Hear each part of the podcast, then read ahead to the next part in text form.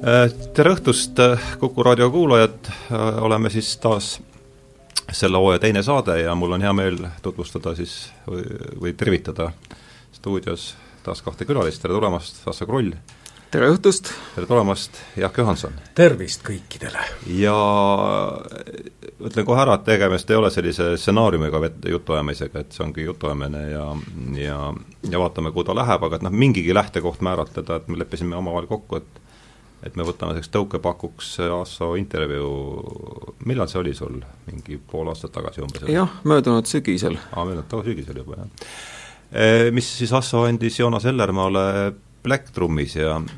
ja see oli selles mõttes huvitav, keegi, keegi ütles mulle, et Asso käis Black Trummis rääkimas animismist ja ja noh, veel kord, nagu me siin enne saadet ütlesime, et ega siin on oma raja sõtkumisega piisavalt tegemist, et ei jõua ju kõiki teisi, kõikide teiste omaga jälgida kogu aeg ja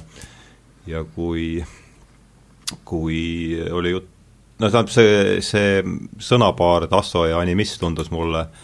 tundus mulle sel hetkel üllatav, et pigem haakusid mulle rohkem sealt Derrida ja selle, selle seltskonnaga, et et järsku seltskond või selle vestluse käima lükkamiseks räägige võib-olla natukene oma sellest äh, teekonnast äh, siis Derridalt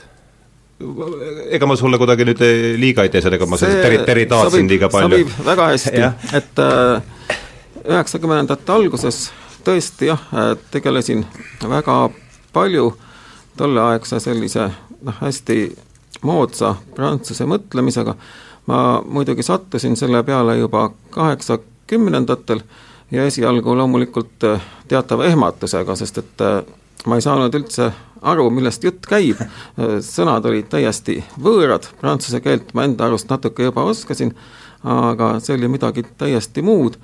Ja siis jah, kuskil üheksakümnendate alguses hakkasin vähehaaval pihta saama,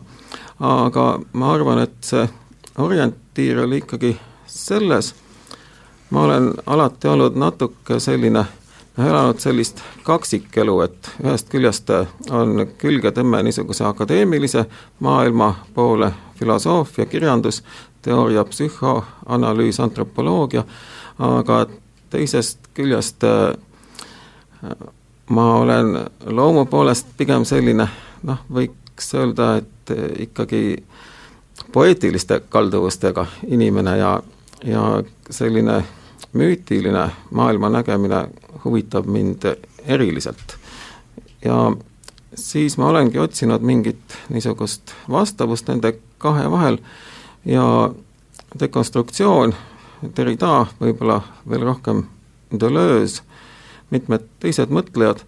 et äh, tollal tundus, et seal on nagu ärkamas mingi teistsugune mõtteviis ja ma püüdsin siis seda enda nägemusega sobitada, loomulikult äh, natukene väänasin seda asja enda kasuks ja noh, sellele mõned on ka tähelepanu juhtinud, selge see, et äh, ma ikkagi nägin seal seda, mida ma tahtsin näha, teised aspektid jäid kõrvale, aga noh, ma ei ole üldiselt äh, kunagi olnud päriselt valmis nimetama seda kõike postmodernismiks, sellepärast et äh, ikkagi need mõtlejad seal, nad olid liiga erinevad ja tihtipeale ei saanud ka omavahel läbi, et need lahkarvamused ja postmodernismi mõistet üldse Prantsusmaal kasutas ainult Jean-Francois Lyotard, teised tõrjusid seda ja isegi naeruvääristasid, et ei ole mingisugust posti, ühesõnaga see, see nagu pole mulle küll sobinud, aga samas, kui ma lugesin Peter Sloterdijki kaheksakümne üheksandal aastal ilmunud raamatut Eurotaoismus, Eurotaoism. Eurotaoism, jah? jah, seal ta ka justkui sihiga sinna Prantsuse suuna poole arvas, et postmodernism või postmodernsus on justkui esimene katse juhtida tähelepanu modernismi ja modernsuse kõrvalnähtudele, et seni kogu aeg oli edasi mindud niimoodi, et see mõte käis sul seal Plektrumist ka just, jah, teaduse ja tehnika progress ja et äh, kõik äh, see saast ja häving, niisugused halvad tagajärjed, mis sellega kaasas käivad, kuni siis genotsiidini ja looduse äh, laastamiseni välja, et äh, see kõik on teisejärguline, selle me hiljem unustame, kui me oleme jõudnud uude ja paremasse maailma, et see on nagu see juba valgustusest alanud progressi jutustus. aga need prantsuse mõtlejad siis, muidugi nad osalt ka tõukusid ikkagi varasematest ja kindlasti saksa filosoofiast, Heidegger kindlasti on oluline näiteks Derrida puhul, et ilma Heideggerita Derridaad ei kujuta ette. ja noh, teisest küljest siis väga palju sellisest äh, varasemast vasakpoolsest mõtlemisest, aga seda hakati siis niimoodi dekonstrueerima, sest see juba, juba kuuekümnendate aastate lõpust enam tegelikult ei, ei sobinud neile. ühesõnaga, et siis äh, hakati tähelepanu juhtima esialgu lihtsalt niimoodi tekstide pinnal sellele, et kõik ei lähe päris nii õlitatult, kui me oleme ette kujutanud ja et see, mis visatakse kõrvale või millelt juhitakse tähelepanu eemale, võib tegelikult olla palju olulisem. Ja veel ei käidud nagu välja seda ideed päriselt, et see võib olla mingi suurem ähvardus, aga no minu jaoks ongi nagu nii, et siis, kui kas sa mõtled nüüd selle suure ähvarduse all seda keskkonna või on või, jah, praegu, praegu nähakse seda nii, et äh, see võetakse tavaliselt äh, selle keskkonnaohu või kliima soojenemise selliste probleemide alla kokku, aga noh, neid on eri, erinevaid selliseid teemaringe, mis on sellega olnud seotud esialgu ikkagi mingi niisugune eksistentsiaalne oht, sa mõtled? eksistentsiaalne oht jah, kuuekümnendatel aastatel noh, siis oli juba tuuma, tuumarelvad, eks ole. jah, tuumarelvad, saastumine, DDT, palju asju, mis, mis sellel olid juba kõne all ja osalt nagu sai nendest lahti, aga suuremad asjad olid alles tulekul, et noh, teatud mõttes siis postmodernism äh, ammenduski sellise moevooluna siis, kui sai selgeks, et noh, neid, neid kõrvalmõjusid peab võtma veelgi tõsisemalt, et see asi on nagu, tähendab natuke enamat kui lihtsalt kultuurilist mängu, noh mida Prantsuse mõtlejad tegelikult seda nii ei esitanudki, aga neid tõlgendati enamasti nii, et tegemist on, on sellise teatavat tüüpi uut sorti nagu mänguna. aga et siis, kui mäng sai läbi, siis ka see nagu postmodernismi kui moevoolu aeg sai läbi ja tegelikult siis ka minu jaoks selline noh, selline esimene huvi lõppes ja mul tekkis hoopis noh, huvid rohkem selliste mütoloogiliste, religioossete maailmapiltide suhtes ja ja siis hiljem ma olen vähehaaval nagu tagasi tulnud ka prantsuse mõtlejate juurde, aga hoopis nagu ettevaatlikumalt ja, ja teistest aspektidest, et see ei olnud siis minu jaoks enam sama. aga kus sa enda puhul paneksid selle fookuse nihke, mis aasta, umbes mis viieaastase täpsusega nii? mulle tundub, et see oli ilusti niimoodi sajandivahetusel mm, -hmm. kuskil aastast üheksakümmend üheksa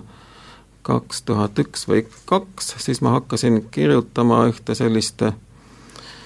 pikemat eepilist raamatut, mille nimeks sai Meeter ja Demeeter, et seal siis tegelesin veeuputuse ja veeuputuse müütidega ja loomislugudega, hakkasin neid üle maailma kokku korjama, sain muidugi varsti aru, et see materjal käib üle jõu, sest seda on niivõrd palju, noh loomislugudest rääkimata, aga ka veeuputuse lugusid ikkagi äh, seal, kus, kus antropoloogid on vähegi jaole saanud, enne kui selline piibellik müüt on need varasemad välja tõrjunud, seal on igal pool üle planeedi on, on ikkagi olnud veeuputuse lugusid. Ja, ja tollal see siis esmakordselt haakus mul selle mõttega, et et planeedil toimub ju suurem sulamine no nüüd äh, Youtube'ist võib näha seda, kuidas Antarktika ja Arktika sulavad ja et seal tõesti toimub midagi sellist väga uut, väga teistsugust, aga tollal see oli lihtsalt niimoodi vähehaaval hakati teadvustama ja tuli ka see mõte, et võib-olla kunagi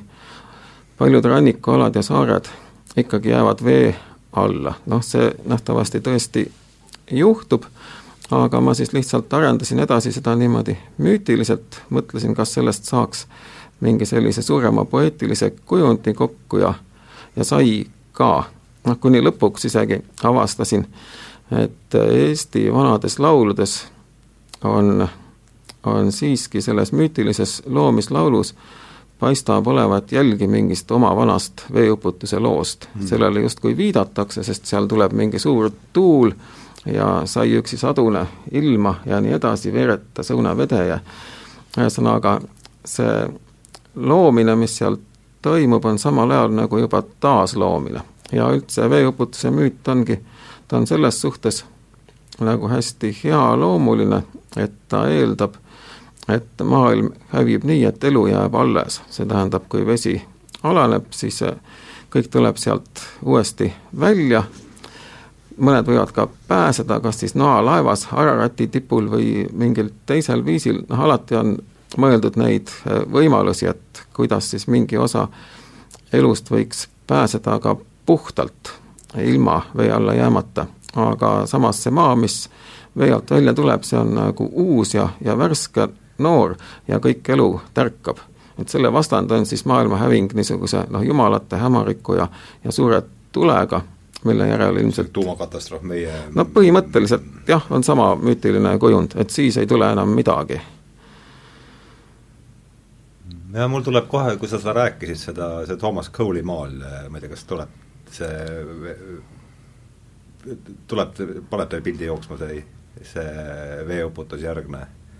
pilt? jah, midagi, mitmeid pilte tuleb ja, tegelikult mul tuleb Kõul, see Kõuli oma tuleb esimesena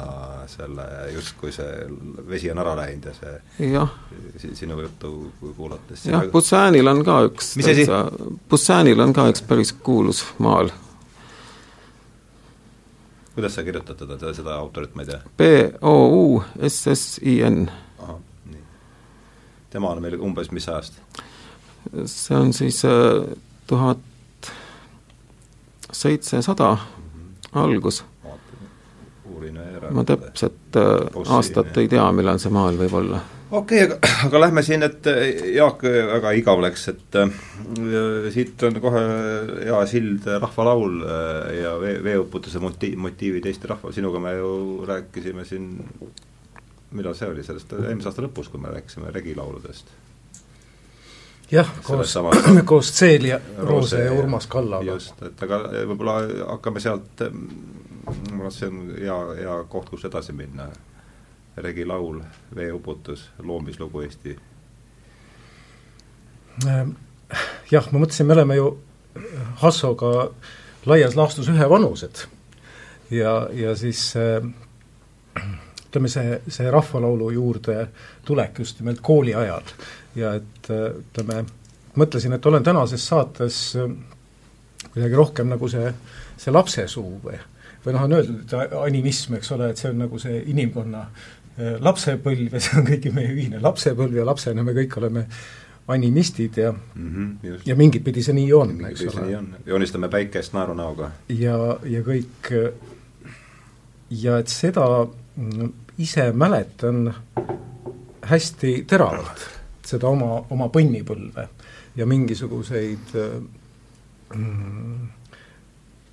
noh, mingit sügavat vastuolu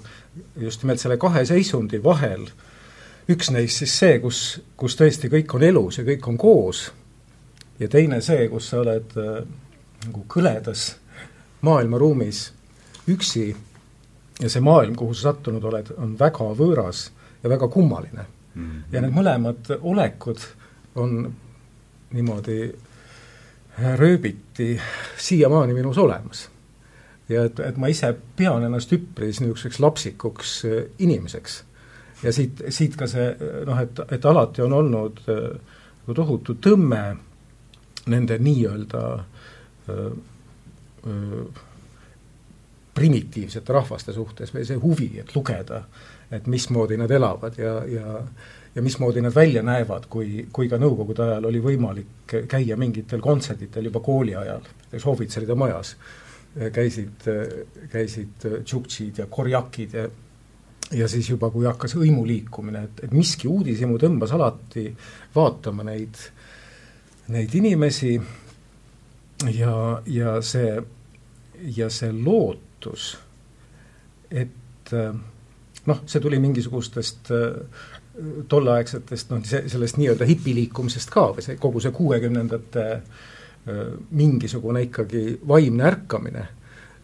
ja see, see lootus mingisugusele inimloomuse uuenemisele, mis oli väga, väga selgelt olemas noh, ka rokkmuusikas ja niimoodi, et, et kõik see lapsena jõudis mingil kombel selgelt äh, pärale. noh, just, et, et, et see, just see regilaulude juurde minek ka minu jaoks oli see nagu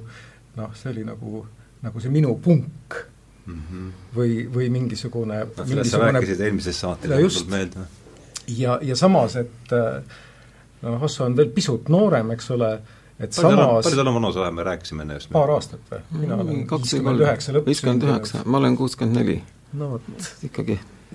aga et, et noh, mina selles mõttes kui kui ühesõnaga, kui biitid laiali läksid ja olid, olid eks ole, Tšehhoslovakkia sündmused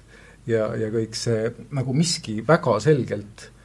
lõppes. ja, ja jälle mäletan, et ma, et ma poisina sain sellest aru mm,. ja mul oli sügavalt see tunne, et nüüd mingid uksed nagu pannakse uuesti kinni ja, ja vot just see, et, et nagu isegi noh, mul oli ka see tunne, no ikka, ikka oli see tahtmine nagu bändi teha või, või kuidagimoodi midagi ja, ja sealt jäi see, et et, et see on nagu tehtud ja seda nüüd nagu enam teha ei saa. Ja, ja, ja see enda tajumine mingisuguse järel- või vahepõlvkonnana. Ja samas see lootus, et, et võib-olla siis minna noh, nagu sellest, sellest nii-öelda hipiprotestist, vaid et minna mingite sügavamate arusaamiste juurde, just nimelt see müütilisuse tõmme, samamoodi noh, see regilaul oli ka sellisel, et sa, et, et sa otsisid ikkagi seda mingit metsikust, mingit, mingit e-, algset, mingit algset ehedust ja, ja et just, et äkki siis seal on see, see võimalus äh, nagu seda, seda mustrit leida sest samal ajal noh, olles Eesti esindus poistekoori laulja, kõik, kõik vendadega Järvela poistekooris, palju rändasime mööda, mööda tollast Nõukogude Liitu, kõik need öised äh, rongisõidud, kus sa vaatad äh, neid, neid üksildasi asulaid ja siis vaheldumisi nende suurte linnadega ja viidi ka näiteks tähelinna. et ega see kosmosetõmme ja see lootus nagu sellele äh, see oli Moskva lähedal, eks ole? jaa, jaa, nii et, et käisime kosmonautidega kohtumas ja, ja et see ju paralleelselt ikkagi poisi jaoks ka tohutult ka lugesin äh, igast ulmeraamatuid ja ulme, ulmefilme meeldis vaadata ja ja et äkki ikkagi, et äkki ikkagi mängib välja, et äkki on see tehnoloogia tee ka kuidagi võimalik mm. -hmm. ja siis samal ajal teisest küljest ma mäletan just, et ka käisime mingisuguses nii-öelda raketibaasis, kus üks äh, väga mõjuva välimuse kohvitser seletas, kui pikalt siis aega läheb, et et vastavad raketid lendaks siis Stockholmi, Londonisse, vajaduse korral ka Tallinna mainiti ära. Ja, ja, ja need veenvad, need veenvad sõjaväeparaadid, mida oli võimalik televisioonist vaadata, selle võidupühade ajal igal aastal, et see ikkagi tekitas noh, juba suhteliselt tegelikult algkoolis sellise äh, et üks osa sellest oli see, et siin ei ole nagu mingit varianti, et kui see püss seina peal on, et see pauk jääks tegemata. ja see, ja selles mõttes nagu kuidagi see tõmbas nagu veel rohkem nagu selle, selle müütilise maailmapildi poole, et kui on mingi võimalus, et siis see on nagu selles teadvuse muutumises mm -hmm. ja et kas seda noh, loomulikult nagu noore, noore poisina või siis, siis läksid noh, käiku kõik, igasugused religioossed otsingud, oli plaan minna Burjaatiasse ära kloostrisse, noh et, et kuidagi kogu keskkooli lõpp sai veel töötatud Tiit Leito käe all seal Sarnaki laidudel mingi noh, mis olid niisugused üks, üksi olemise suved, kuhu kohvritega toodi kõikvõimalikku esoteerilist ja mütoloogilist ja ja ka Eesti-aegset ja uuemaaegseid tõlkeid, venekeelset, noh, et see kõik sai nagu läbi loetud ja, ja, ja ja just see, ja see, see, see, selles pinge väljas olemine, et ühelt poolt see, see lootus tõesti või noh, et et inimene isiklikult mingite harjutustega või mingisuguse kuidas nüüd öeldakse peenelt, praktikatega noh, võib isegi õppida lendama, eks ole, või et ta võib nagu kuidagimoodi ja, ja, ja teisest küljest see, see täielik lootusetus, vaadates seda protsessi, mis toimus edasi, noh, nagu sõjanduses ja tööstuses ja et sealt nagu ei paistnud tegelikult mitte mingisugust äh, varianti, et see asi võiks mõistlikult äh, kuidagimoodi kuidagimoodi nagu noh, üle minna, jah, aga samas noh, et kõik need veedalikud lootused, noh et, et seekord on nagu ajastute muutus, noh, kõik eks need suured tsüklid, mis olid ju mm -hmm. Öö, välja toodud nendes vanades teadmistes, kus vaadeldi hiiglaslikke ajatsükleid, kus siis, et, et nagu oleks võimalus, et sellel korral nagu see kõige viimane tsükkel kuidagi läheb selleks esimeseks ava-, nagu uueks vaimseks tsükliks kuidagi sujuvalt üle, ka see oli selleks ajaks nagu kohale jõudnud. aga ikkagi see, et Eesti oli kõige atomiseeritum, tõenäoliselt üks kõige atomiseeritumaid piirkondi ühe isiku kohta maailmas noh, atomiseeritum selles, no selles mõttes, et ühe isiku kohta seda pauku oli ja. siin vist kõige rohkem, siinsamas Tartust lendas ju see lennuk, mis selle kõige suurema pommi viskas kuskile sinna põhjapiirkonda. saar, selle saarpommi või, kas see läks Tartust või? see minu arvates ühe, kas see on, kes seda, sellest lausa kirjutas artikli, kes sel ajal oli bioloogina seal välitöid tegemas, üks Eesti kirjanik on sellest, kas see kas see nüüd oli see kõige suurem, kas see oli see viiekümnendate oma või oli see juba kuuekümnendate? saar, saari, saar, saarpomba, eks ole. no jah, see üks nendest, mis ja, oli ja. üks neid kõige suuremaid vesinikupomme, et see ikkagi viidi Tartust ja ja, ja noh, kogu see, see, see taust ja, ja minu jaoks oli see nagu kuidagi hilisemal ajal või noh, väga hämmastav, et see, et see pauk nagu tulemata jäi ja kui algas perestroika ja glasnost, see kuidagi ei olnud selles mõttes ka nagu noh, vahel mul on nagu endal olnud nagu kahju, et ma polegi nagu suutnud ennast sellelt apokalüptiliselt lainelt päriselt ümber häälestada mm et see tohutu lootus on, on see, selle, selle meelemuutuse peale on jäänud, aga teisest küljest et see, et see tuumasõda ju tegelikult peeti maha. kui mõelda, et, et tuumakatsetusi vist kokku tehti äh, noh, suurusjärgus kaks tuhat nii Ameerika kui, kui Nõukogude Liidu peale kokku. et siis, et siis see tegelikult sisuliselt oligi ju see tuumasõda nagu toimus. ja, ja midagi erilist ju ei juhtunud. vaat ja, ja noh, Nõukogude Liidus ju veel väidetavalt väga paljud need, kes asustati, noh, see küüditamise värk, et seal noh, mingi, mingi jutu järgi, et need laagrid ju paigutati ka niimoodi, et saaks siis seal olijate peal nagu vaadata, et mismoodi siis mõjub. ja ega vist Ameerikas tehti ka sedalaadi asju. ja, ja, ja noh, ja lisaks veel Tšernobõl, et ega nagu väga midagi ei juhtunudki. kust sa tead? no vot, just nimelt, eks ole. no me, meiega, jah. ja ei no jah, ja, ja et aga noh, et nii-öelda inimkonnaga, et saab ja noh, et see on nüüd nagu, nagu see küsimus, et kuivõrd siis võiks keegi sellest tulenevalt noh, nagu selle progressi, progressimeelsuse hulgas toimuda mingisugune meelemuutus. et äkki saab ikkagi nagu veel rohkem proovile panna ja kuidagi selles suunas läbi murda. et ise nagu tahaks ka väga vaadata teises suunas, aga ma saan, sa-, saan ka kuidagi nagu äh, niimoodi teemonlikul kombel aru sellest mõtlemisest, mis teisele poole kisub. ja, ja, ja vot nüüd selle, selle lapsemeelsusega, et, et, et et just see, et nagu, et ei ole inimesed ju kõik nagu sarnased. ja või, või et kuidas see noh, animismist, et kui palju siis päriselt sellega, mäletan vanaema, kes äh, oli siis sealt Tarvastust ikkagi suure pere tütar, pidi veel Inglismaale minema agronoomiat õppima, ta ei olnud mingi judistaja aga et kui me väiksed olime, et siis seal, seal, kuhu nad olid välja saadetud, see oli Ulila turbatööstuses, ka veel mingid sõbrannad, kes olid äh, vanadest aegadest mõnikord käidi ja siis õhtul räägiti ikka neid videviku jutte.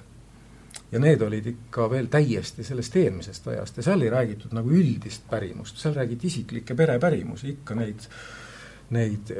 surmateada andmisi ja, ja kodukäijaid ja valganõida ja äksinõida ja, ja va-, veel vanemaid nõidu ja need olid niisugused konkreetsed, ta ei seostagi, nendel inimestel, kes neid lugusid rääkisid, olid mingid konkreetsed kogemused. Ja muuhulgas mul on meeles, et vanaema rääkis seda lugu, et tema vanaisa oli tema võtnud väikse tüdrukuna käe kõrvale ja viinud metsaserva ja näidanud talle ära, et kuidas siis ikkagi noh, nagu tol ajal öeldi, usse välja kutsuda. ja vana, vanaisa oli teinud mingit kummalist vilistavat häält ja nemad olid kõik tulnud. ja, ja, ja noh, selline jutukatke lihtsalt. videvikust jah, ja, ja, ja siis ja või, või, või isa, isa nentis omal ajal veel, et kui tema väike oli veel sealt arvastus, et ikka, et nagu kõigega räägiti juttu mm,. kõik, sest kõik, iga, kõik oli elus? jah, et iga tööriistaga räägiti ja, ja looma, loomad olid ikkagi nagu noh, nagu pereliikmed kuidagiviisi ja et see, et see kõik on nii, selles mõttes nii lähedal. ja, ja vot nende, nende hõimu, ma kohe lõpetan selle tiraadi, ma tahan sel-, sinna välja jõuda, et ja nende hõimupäevade ajal ka, et, et ma olen noh, tunnen, et ma olen kuidagi äh, noh, vastutustundetult käinud ümber nende võimalustega, noh, on olnud elus võimalusi kokku saada noh, selliste inimestega ja niimoodi, et, et see kõik on kuidagi jäänud, selles ei ole olnud süsteemi ja ei ole osanud sellest midagi teha, aga noh, et alati oled nagu käinud ja püüdnud juttu ajada, noh, kui on olnud neid Handi ja Mansi ja Mari ja ja neid inimesi, noh, kes ei ole olnud need nii-öelda suveniir pärismaalased, keda ju ka alati on noh, tehtud ja, ja saadetud ja aga et, et ikka sattus nagu selliseid ja seda, ja näha seda nagu seda tegelikku kurbust nende silmades ja seda, seda võimetust või nagu seda võimatust sellele vastu hakata, mis neid kõrvale pühib. ja, ja, ja samas nende seda ja tõesti seda, et neil on mingid täiesti teised uksed päriselt lahti. Ja et sellest nagu ei ole abi. Ja, ja et seda, seda nagu, seda kurbust ja seda võimatust ka nagu aidata. Või noh, et, et ei aita see või kuidagi, et sa paned need rahvalaulud nagu džässiseadesse ja käid, käid Moskvas ja New Yorgis esinemas, noh, et see nagu aitab korraks midagi või aga aga et see on mingi, mingi, mingi teine asi ja noh, just, et nad ja, ja sageli nad ongi nagu lapsemeelsed mis neid mingil kombel kaitseb, ma nagu vahest vaatad niimoodi kõrvalt või see, kuidas nad suhtlevad omavahel või et nad, et, et kes me nagu inimestena oleme ja kui erinevad me olla saame. ja mida selle, ja mida siis selle, selle kõigega, mida neilt nagu võiks õppida, mida me siis nagu saaks neilt õppida. ja kuidas, kuidas seda saaks siis üldistada ja, ja mis sellega saaks peale hakata ja kas me oleks siis kõik kuidagi võimelised oma oma, oma, oma meelt äh, muutma. aga siit järsku ongi hea anda jälle Hassole jut-, jutujärg tagasi, et küsimus, et mida me oleme neilt või jutuajamine käib siis, animismi teema on täna siin juba mitu korda läbi käinud ja mulle tundub, et ei ole kõige halvem viis seda jätkata, püüda defineerida, et, et mis asi see animism siis on, et me saaksime siin isekeskis kas või kas või juttu niimoodi poolmõistlikult edasi veeretada. et äh, ole hea, Astrid, mida sa mõistad selle sõna all? no mina mõistaksin seda ikka täiesti omaette olemisviisina, et selles suhtes niisugune antropoloogiline lähenemine nagu Philippe Descola, et tegemist on ühe täiesti iseseisva äh, identifikatsioonimoodusega või, või ontoloogiaga, see, kuidas inimene ennast maailmas tunneb ja kuidas ta kõigi asjadega ennast suhestab, noh, see on kõige produktiivsem lähenemine. Ja teisest küljest, nii nagu Jaak ütles, et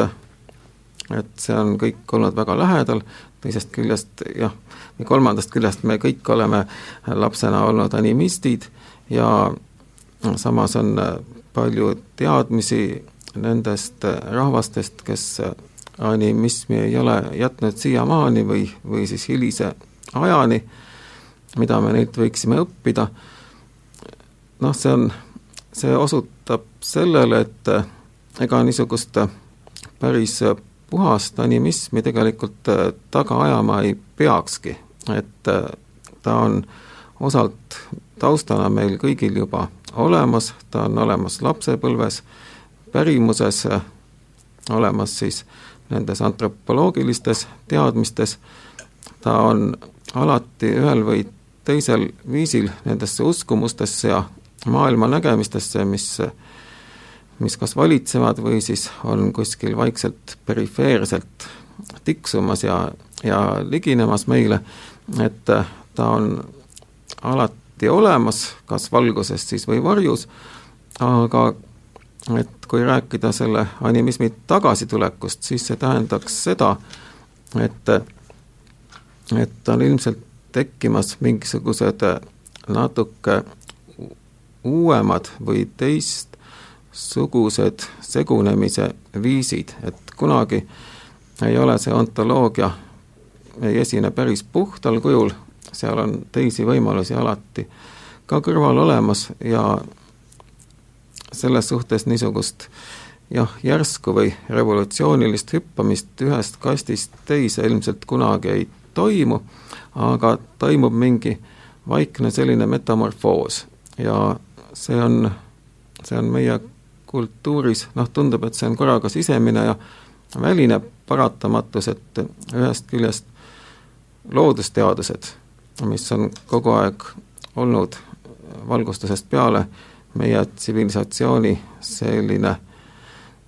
suurim autoriteet ja esimene hääl, mida kuulatakse, on hakanud jõudma sellisele piirile,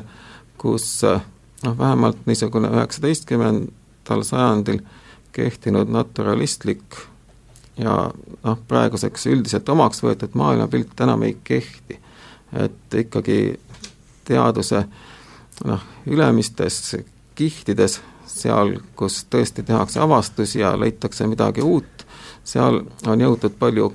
kaugemale, teiseks on siis see, et meie ümbritsev maailm ise, see loodus, millest taheti üheksateistkümnendal sajandil võitu saada, seda allutada,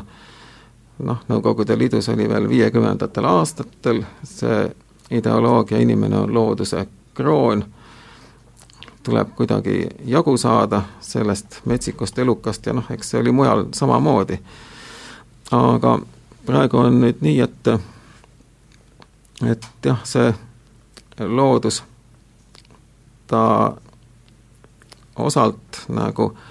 nagu välja tuleb, on allunud inimtegevusele palju rohkem, kui me oleksime oodanud. et me oleme suutnud teisendada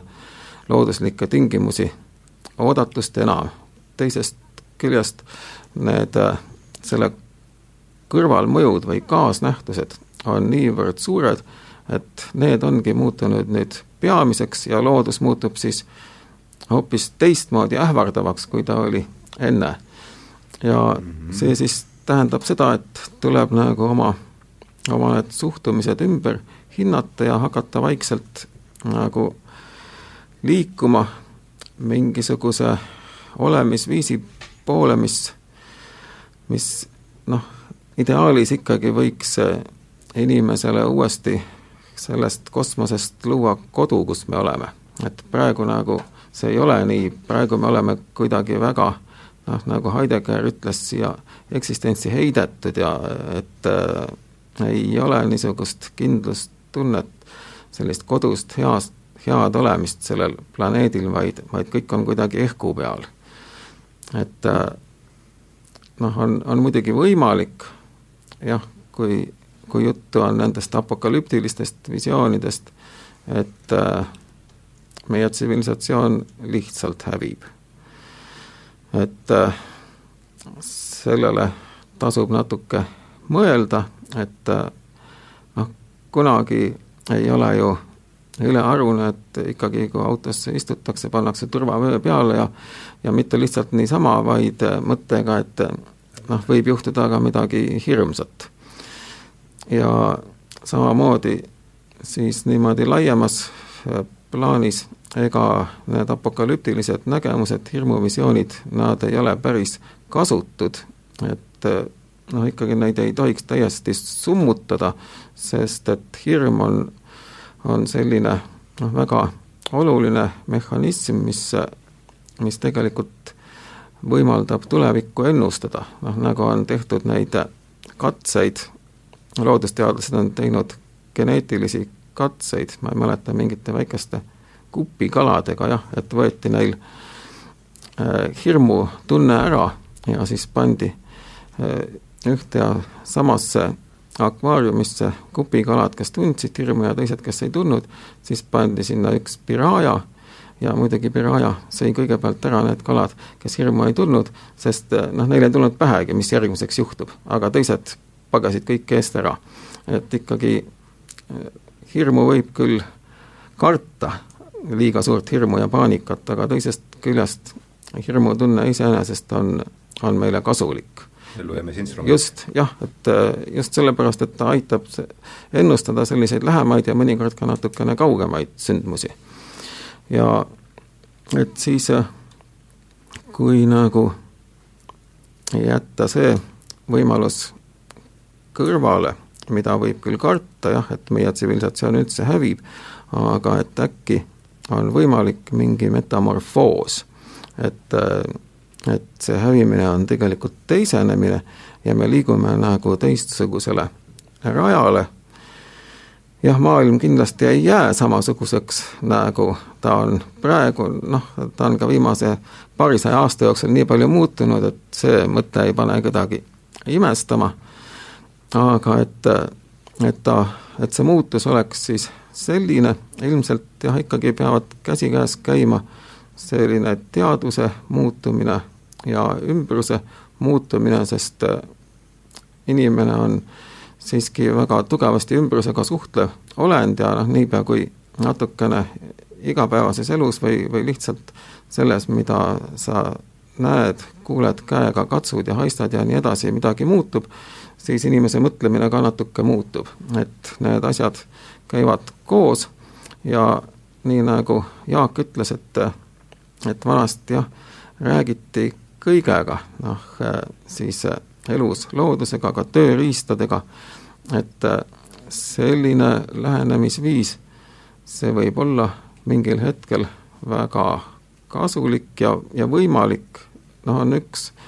ökoloogiline filosoof Timothy Morton, kes on arvanud, et et praeguses sellises tarbimisühiskonnas, konsumerismis on selle uue animismi alged juba olemas. et see, kuidas lähenetakse neile toodetele, mis on ostukeskuses ja noh, mida me läheme lihtsalt äh, endale sinna korvi tõstma ja, ja uurime, et, et selles on mingid äh, alged juba olemas, kust edasi on teatava uue animismi võimalus ongi koitmas, et selles suhtes jah, kuigi konsumerismi on palju halvustatud ja, ja tõesti tal, tal on halvaloomulisi jooni, aga et seal võib olla ka terake midagi sellist, mis tasub üles korjata, jah. Jaak, mis sina, kuidas sina mõistad äh, animismi, mis jällegi, et me saaks omavahel siin kuidagi jõuaks selle, et me räägime enam-vähem ühest asjast. no sest, et on ju see mingisugune vahva ütlemine, et uh, nothing personal, just business on niisugune ütlemine. ja, ja teisest küljest on mingi selline tunne, ma ei tea, kas keegi kuskil on sellega niimoodi konkreetselt sõnastanud, no ma mõtlen, noh, mingisuguses, äh, endal ei tule praegu ette, aga, aga noh, see, see seisund või see, see olek, kus sa saad aru, et kuidas öelda siis, et, et, et tegelikult, tegelikult on universumis kõik isiklik mm. -hmm eks ole, et on ju selliseid hetki elus, kus sa saad sellest aru mm -hmm, ja noh, need on need hetked või noh, kui ta, kes, kes on seda öelnud, et kui te tahate, et teil oleks kõik lubatud, siis olge selline, et teile oleks kõik lubatud et see on kuidagi selle, selle ütlemisega seotud või seda, sedalaadi lapsemeelsus. ja, ja, ja sedalaadi olek ja, ja siis ähm, aga vot mina, mina kui väga väikese aruga karu ikkagi tegelikult, et siin on nüüd, nüüd eks ole, et see, et, et niimoodi ju noh, justkui ei saa elada, eks ole. et, et kuskilt peavad tulema need, need, need üldistamised, eks ole, ja, ja kus piirini siis, kus piirini siis keegi võib või saab sellega minna, et sealt noh, et jah, et universumis on kõik isiklik, eks ole, no just, et see, et aga, aga et mis on, mis on siis nagu hästi või halvasti näiteks nende monoteismidega või organiseeritud religioonidega, et eks see noh, see on ju selge, eks ole, et et mis me siin igasuguste jupi äh, tsehhi juhatajatega räägime, et lähme räägime otse direktoriga, eks ole, et saavad see on monotismi püüdlus, eks ole. asjad põhimõtteliselt nagu nagu äh, kiiremini aetud, aga noh, et kui kiiresti on vaja siis asju ajada, aga võib-olla tsehhi juhatajad tahaks ka rääkida ja olla ja, ja kohvi juua sinuga, eks ole, et noh, et nagu need, need küsimused, et mis äh, et mis on, mil-, mi-, mis on see areng ja, ja mis on näiteks see ikkagi, mis on see, see kõige põhilisem nagu vastuolu öö, nende nii-öelda siis öö, loodusrahvaste öö, asjadesse suhtumises ja siis nii-öelda organiseeritud religioonides kuni siis monoteismini välja, kus tekib, noh, et, et seal tekivad tekivad sageli, eks ole, mingisugused teravad vastuolud ja, ja noh, see on nagu üks, üks enda jaoks olnud nagu see selline suuremaid arusaamatusi, et miks on vaja minna kellelegi selgeks tegema äh, seda, et tuleb nagu otse direktoriga rääkida, et ja, ja siin on nüüd üks väga kummaline raamat, ma, ma, ma ei olegi suutnud seda, seda seda päriselt lugeda, sest see isegi mõjus kuidagi millegipärast võõrastavalt. Et see, see, see mõjus niimoodi, et ma hakkasin kahtlustama, et siin on tegemist mingi järjekordse ettesöödetud konstruktsiooniga või mingisuguse sellise noh, äh, kuidas äh, fake news'iga antropoloogilisega mm, -hmm. aga, aga tundub, et ei ole, eks ole, see on, no sa rääkisid Philippe Descolast, eks ole, kes oli ühe nende selle ühe Peruu hõimu juures ja siin on siis Daniel Everett, kes ka seitsmekümnendatel läks just nimelt ühe missionäride organisatsiooni saadikuna terve perega ühe samamoodi ama, Amazonase rahva juurde, ma ei tea, kuidas, kuidas seda peaks hääldama, kas need on pirahad või, või, või, või Piraja, jah, midagi sellist. ja, ja siis, ja avastas ühesõnaga rahva, kes elab siis väidetavalt täielikult nagu hetkes. Nad elavad täielikult olevikus, neil on täiesti teistsuguse ülesehitusega keel neil ei ole noh, nähtavalt mitte mingisugust religiooni, mitte mingisuguseid rituaale, mitte mingisugust ja samas on nad, on nad väga elurõõmsad ja sellised seal oma eluga väga hästi hakkama saav rahvas, suhteliselt hiljuti noh, avastatud, et nad ei olnud ka aga et, et ma ise mõtlesin, miks seda äh, kui kuidagi võõrastav lugeda, ma olen mitu korda proovinud mm,, proovinud seda lugeda, nüüd mõtlesin, et võtan uuesti kätte, ikkagi loen ta läbi, võib-olla mul ei klapi võib-olla selle autori meelelaadiga miski või aga et just see, et see paralleelselt ka selle autori enda jaoks on, on see lugu, kuidas ta, kuidas ta kaotas oma usu missionärina. kuidas ta hakkas järjest rohkem kahtlema selles, mida ta sinna nagu Äh, seletama neile läks. ja, ja siis äh, ja, ja noh, tõesti selles mõttes noh, mul ei ole ju neid lingvistilisi teadmisi ja seal tegelikult on need väga põhjalikud analüüsid sellest keelest ka ja kõik, et noh, täiesti selline pretsedenditu rahvas, et kus, et kas tal jäi midagi märkamata või kuidas üldse saab, kuidas üldse inimesed saavad sellised olla. ja samas ta ütleb, et noh, et ei ole tegemist noh, et võib-olla nad on lihtsalt noh, alaarenenud inimesed, eks ole, et neil lihtsalt on nagu see kõik meelest ära läinud või et sellised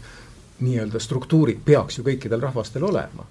mingisugunegi religioon, mingisugused rituaalid, see nagu pole märkigi sellest. Ja nad lihtsalt elavad nagu hetkes.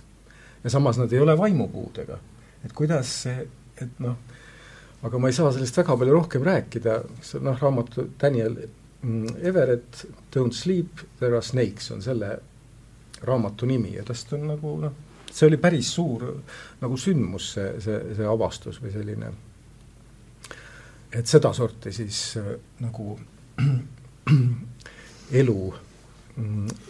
võimalikkus. no olles mitte lugenud seda, mulle tundub, et see on niisugune russoonlik sellise õilsa, õilsa metslase müüdi tagasitulek mingil määral või kuidas sul, Asso, see tund-, oled sa lugenud, oled sa mingil määral lugenud ei ole, jah äh,, Rousseau vaim kindlasti tänapäeva antropoloogia kohal heljub ja noh, Levi-Strossi kaudu ta on ka mõnes mõttes otseselt tulnud antropoloogiasse, aga see on selge, et ikkagi vahepeal need arusaamad sellest, kuidas niinimetatud metslased tegelikult mõtlevad ja tunnevad, on niivõrd palju muutunud, et ega sellest Rousseau Rousseau'st ei ole palju muud järele jäänud kui noh, mingi esialgne viide või niisugune juhatus. Muidugi Michel de Montaigne ka juba kirjutas kannibaalidest ja et äh, see Rousseau kindlasti ei olnud ainus, aga tänapäeva antropoloogias on ikkagi jõutud väga palju kaugemale ja see animismi põhikuju, mis paistab olevat niimoodi ontoloogiliselt väga paljudes eri kultuurides, see ikkagi seisneb jah, niisuguses noh, kas, kas need on mingid religioossed rituaalid või ei, see ei ole üldse tähtis selle juures, tõesti võib olla, et et üldse midagi nagu meie jaoks äratuntavalt religioosset ei ole, samas ikkagi on nende jaoks maailm hingestatud ja on võimalus suhelda olendite ja asjadega, ehk noh, üks üks niisuguseid võimalusi, kuidas seda lihtsalt seletada, on see, kuidas animistlik kultuur tajub haigusi, et noh, väga tihti on seda ka nimetatud šamanismiks ja Siberis, Siberi rahvastel palju ongi see seotud sellega, et on mingi spetsialist, selline nagu haiguste eriteadlane, kes tegeleb sellega, niisugune nõid, kes siis peab langema lovesse ja käima nendega suhtlemas, aga neid haigusi, neid alati kujutletakse selliste olenditena ja kui nendega suheldakse, siis nad on ikka inimese kujulised. ja see ongi äh, animismi üks noh, põhiline tunnus, et tegelikult äh, olendid ja asjad, kellega suheldakse, nad muutuvad inimkujuliseks. ja kui nendega niimoodi lihtsalt äh, vabas õhus suhelda ei saa, siis peab seda proovima unenägudes. Et üldiselt noh, metsas karuga rääkima keegi ei lähe, aga kui on vaja ikkagi temaga suhelda, noh kas või muidugi selleks, et karujahile minna, siis kas tehakse mingi rituaal või siis unenäos on see alati võimalik. ja sellepärast ka see šamaani transs või, või lovesse minek, et ta läheb siis sinna tavaliselt allilma, kus äh, on teispool mingisugust sellist natuke hirmsat jõge, on nende haiguste eluasemed, ta on varem kunagi seal juba käinud, siis kui ta oli, siis kui ta oli noor või, või alles veel pooleldi lapsuk ja vaimud kiusasid teda, keegi ei taha ju nõiaks saada, sest see on jube töö, noh, see on õudne. Ja noh, niisugust asja nagu tänapäeva neošamanismis, et kõik niimoodi õhinal tahaksid trõmmi ja tahaksid olla nõiad, seda tegelikult animistlikes kultuurides ei ole, vaid püütakse ikka nagu vältida sellesse positsiooni sattumist, lõpuks lihtsalt see on kellegi jaoks paratamatus, aga ta on siis käinud seal teisel pool ja talle on näidatud neid haigusi, noh mõnede kohta on küll, öeldakse, et, et sinna ära mine, et temaga sa niikuinii kaubale ei saa aga noh, näiteks rõugad, et äh, rõug, rõugate kotta nõid ei lähe, sellepärast et äh, siis ta sureb niikuinii ise. aga on siis palju teisi haigusi, kellega nagu saab kaubale ja ta ongi siis selline osalt nagu teadlane, osalt nagu diplomaat, selline spetsialist, kes ajab neid asju haigustega, kes esinevad inimkujul, aga see, et miks haigused inimestele kallale tulevad, on väga lihtsalt põhjendatud,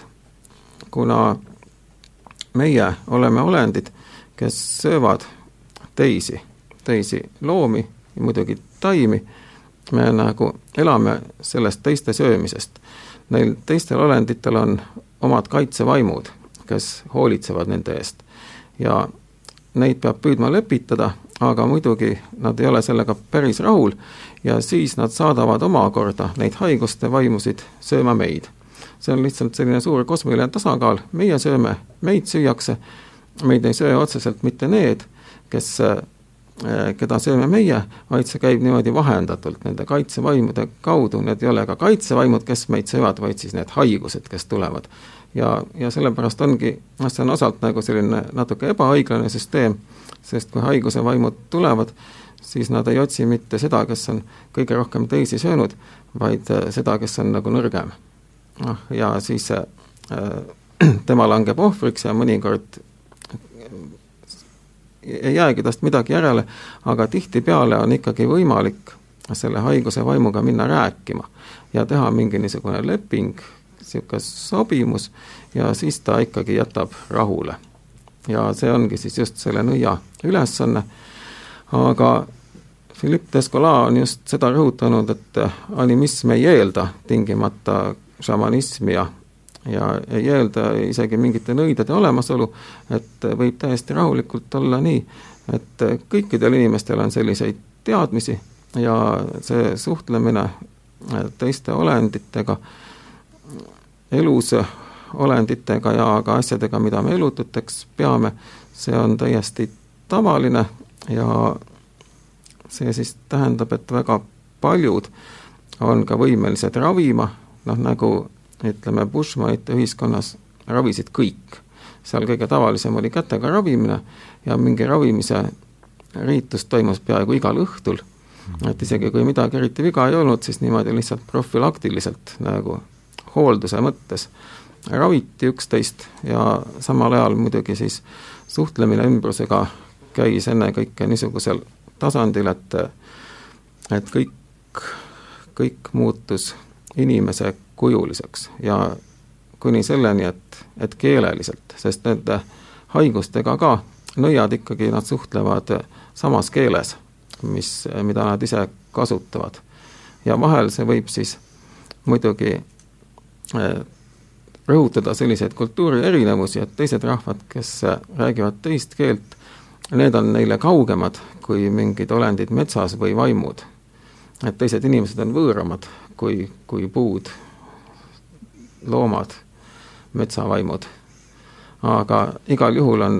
on alati võimalik jah, kuidagi teiste olenditega suhelda, mõnedega on see raskem, mõnedega lihtsam, ja siis noh, mõnedega võib olla ka liiga ohtlik, jah. aga nüüd on üks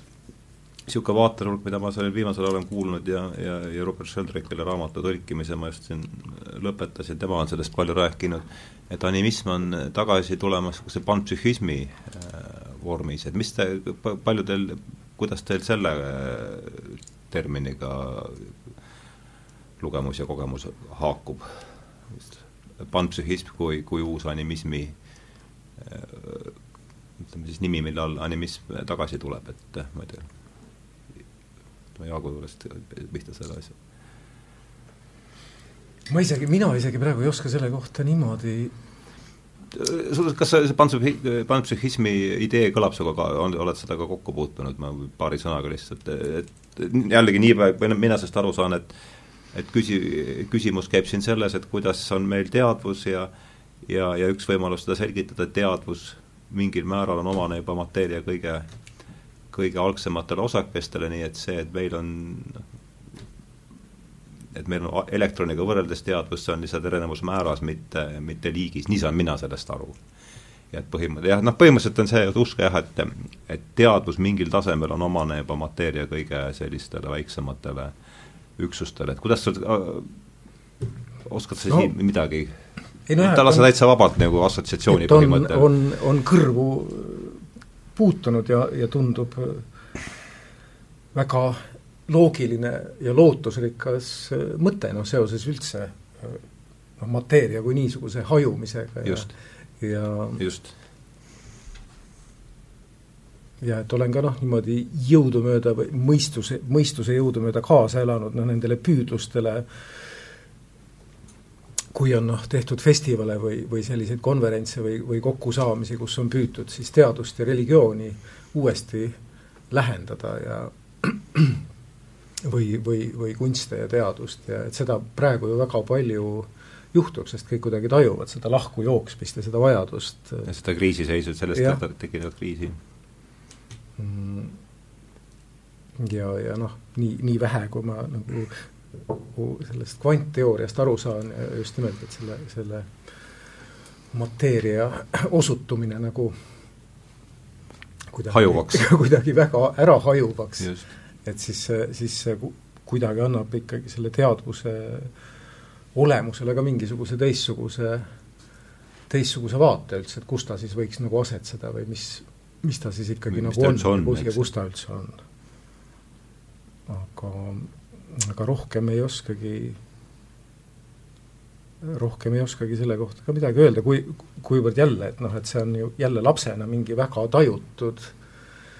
kuidagipidi mingites ole, olekutes väga tajutud asi, et see nii on. No just, ja seda ta on ikka rõhutanud seda, et me kõik alati joonistame päikest äh, naerunäoga ja et see on nagu see ja, ja siis, kui tuleb see initsiatsiooniriitus, kus me ütleme sellest äh, ütleme, küpsuseksamitega, et küpsuseksamid on nagu initsiatsiooniriitus, kus me ütleme sellest usust lahti ja võtame omaks selle, et äh,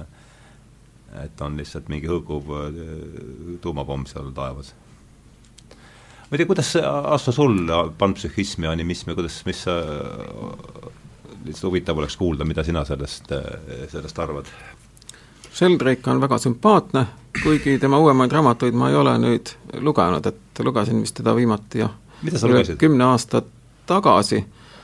ma ei mäleta enam pealkirja, noh, see oli tema tollane, see niima-, niisugune põhiteos. Togo teda teadus järsku või? jah, ilmselt küll, jah. ilmselt jah, see on eesti, see on eesti üsna niisugune mahukas. sel, tollal veel ei olnud lugesid eesti keeles. aa, sa lugesid inglise, inglise keeles. no siis ei olnud eestikeelset tõlget. ja ma arvan, et äh, küllap äh, see on osa,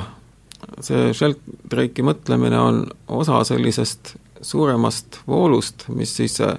selle potentsiaalse metamorfoosi poole viib. Ja noh, ma usun üldse, et ega kui, kui meie tsivilisatsioon tõesti on suuteline nagu muutuma, siis äh, ikkagi neid teid ja võimalusi, mille kaudu see käib, peab olema palju, sellepärast et noh, see, neid teid ja võimalusi, mille kaudu siia on jõutud, on olnud ju väga palju. ja järelikult ka see, kuidas edasi või kuidas välja saada sellest olukorrast, peab olema palju, et mingit ühte niisugust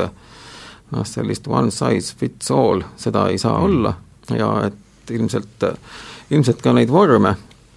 mõtlemise ja tunnetuse vorme saab olema erinevaid, et ikkagi jah, on muidugi võimalik, et jah, jälle ma mõtlen selliseid apokalüptilisi asju, aga et, et inimkonna suurus teataval momendil, kas selle sajandi teises pooles või järgmisel sajandil oluliselt kahaneb. et siis on muidugi raske ette kujutada, et see variatiivsus oleks nüüd väga suur. aga samas on ikkagi nii, et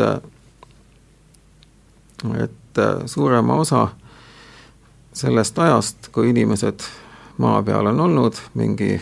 kakssada tuhat aastat vähemalt, on tegelikult ikkagi see suhteliselt nagu väikesearvuline inimeste hulk olnud küllaltki kultuuriliselt varieeruv ja selline noh, kindlasti põhiliselt animistlik, see on tõsi jah, aga et äh, neid erinevaid niisuguseid lahendusi ja erinevaid väikevorme on olnud ikkagi päris palju ja ma arvan, et, et selles suhtes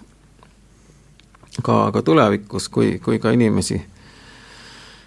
kui ka inimesi jääb praegusest tunduvalt vähemaks, ma arvan, et see, kuidas selle maailmani jõutakse siis, kus inimesed ikkagi saavad planeedil olemist jätkata, et see ilmselt käib hulga erinevate radade kaudu ja ilmselt siis ka neid,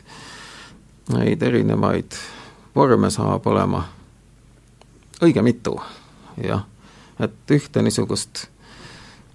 ühte niisugust lihtsat animistlikku või, või ükskõik mis istlikku, panpsühhistlikku inimühiskonda ma ei usu, et tuleb. et tuleb ikka mitmesuguseid ja põhiline on siis, et kuidas nad omavahel hakkavad läbi saama, et see kindlasti,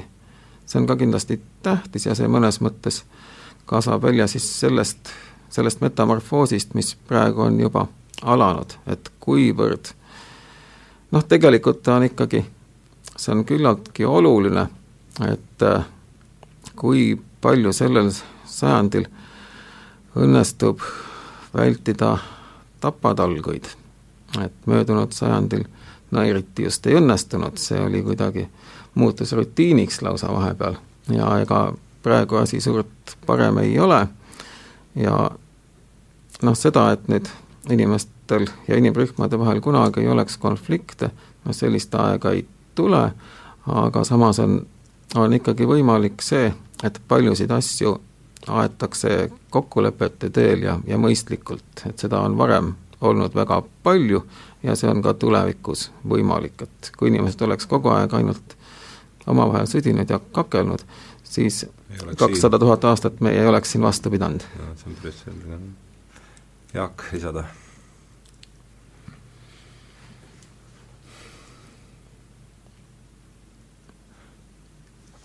mul lihtsalt jäi keerlema peas see no ka jälle just kooli lõpus, kui sai neid igasuguseid asju tohutult loetud, kas ma seda lugesin ka vene keeles või? Et, et keegi noh, mingi an-, antropoloogiline kirjeldus eh, siis kusagilt sealt uh, Uus-Meremaa saarestikest või et ku-, kuivõrd,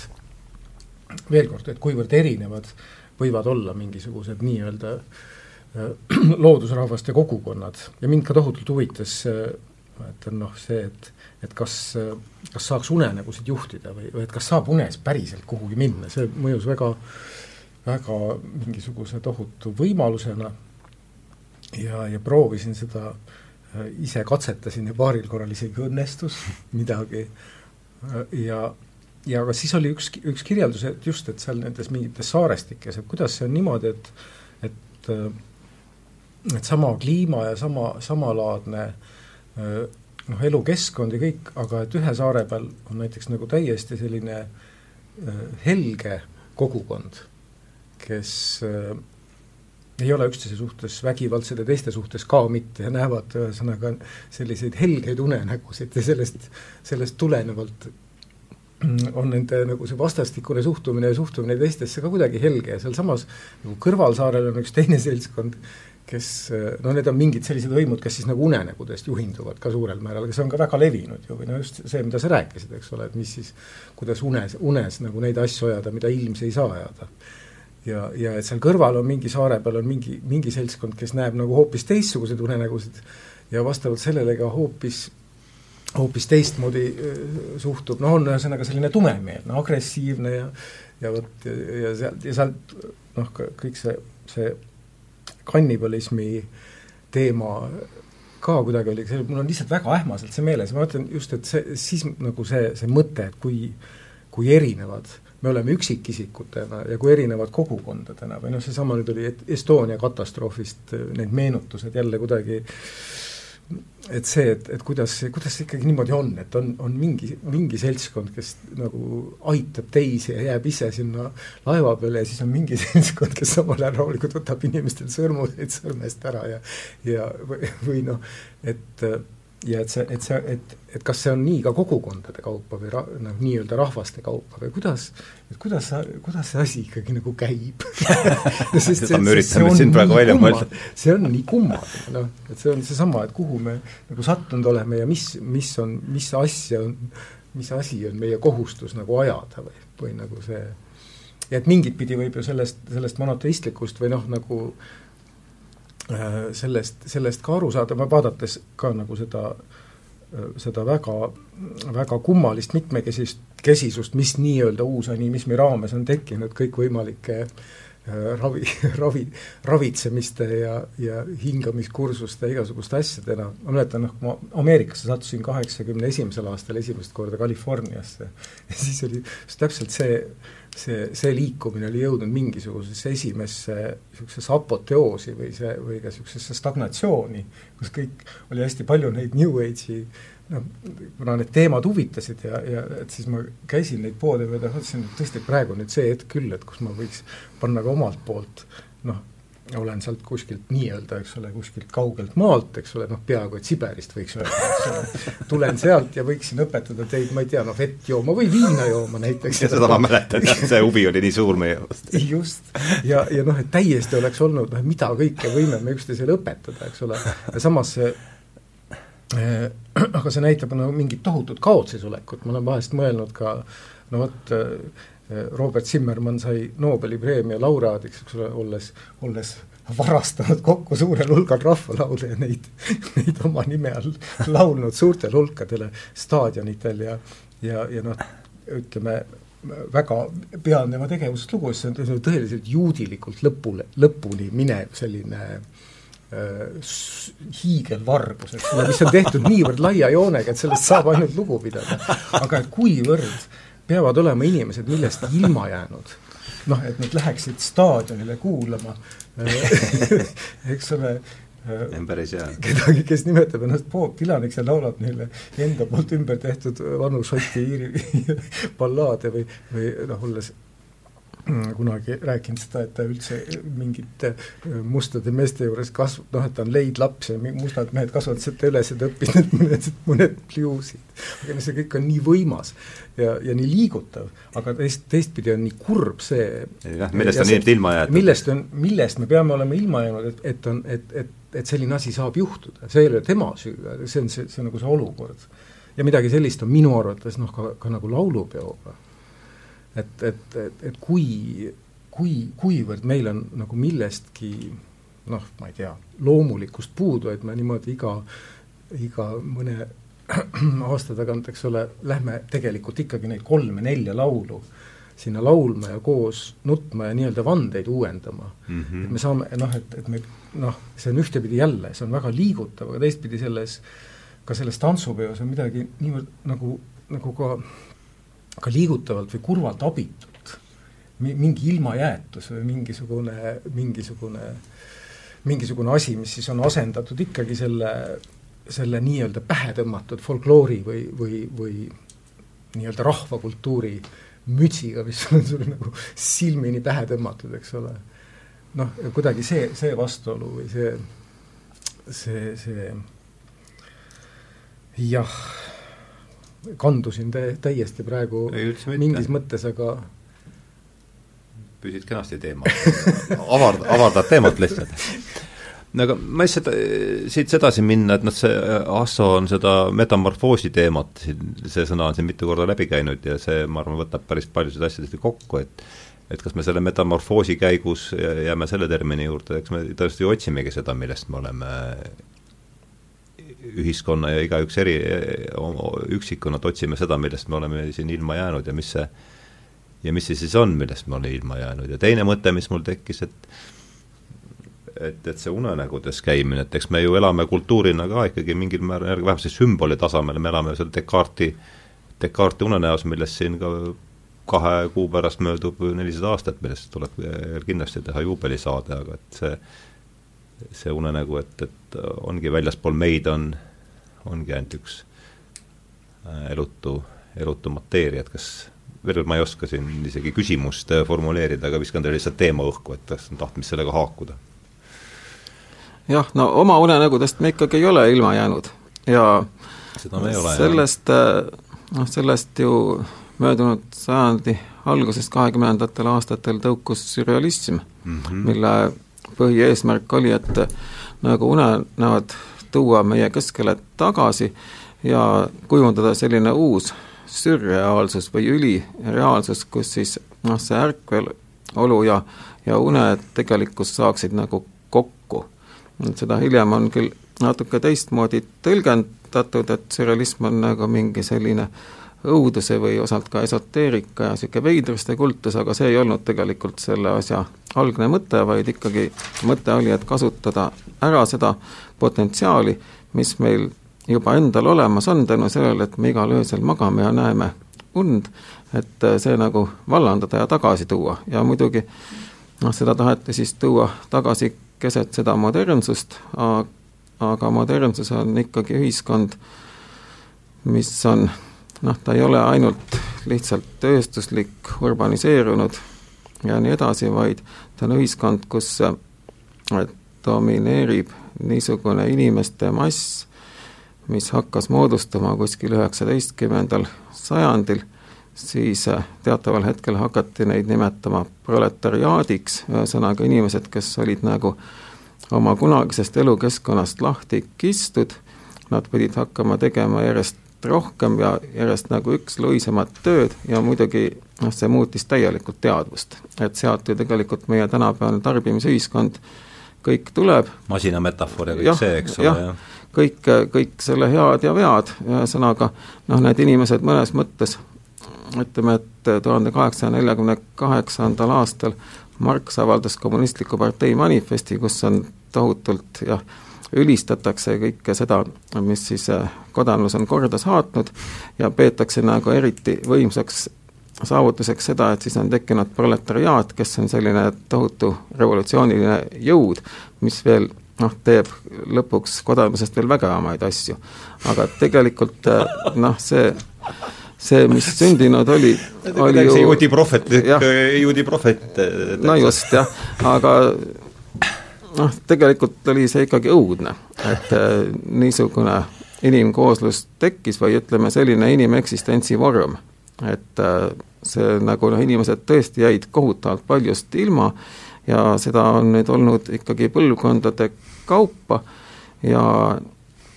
noh, seda, sellele on väga palju modernismi kahekümnendal sajandil sellist modernistlikku mõtlemist oli üles ehitatud sellele, et kuna need inimesed on nii lagedad, neil nagu pole midagi, et siis nad muutuvad puhtalt sellisteks ratsionaalseteks olenditeks, hakkavad käituma nagu järjest arukamalt, neil ei ole mingit teispoolsust, mingit jumalat, mingisuguseid selliseid äh, segavaid nagu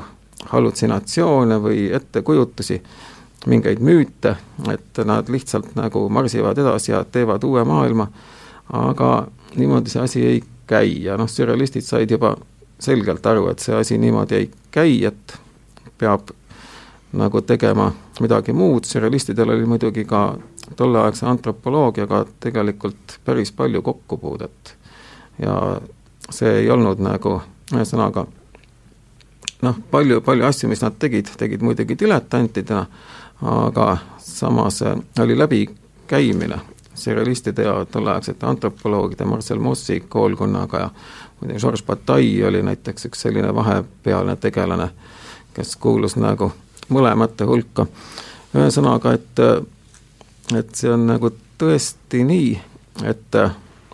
mingisugune kogemus, mingid asjad on kaotsi läinud, et see noh, ütleme siis uus inimkond, kes võiks pärast seda metamorfoosi olemas olla, see ilmselt peab kuidagi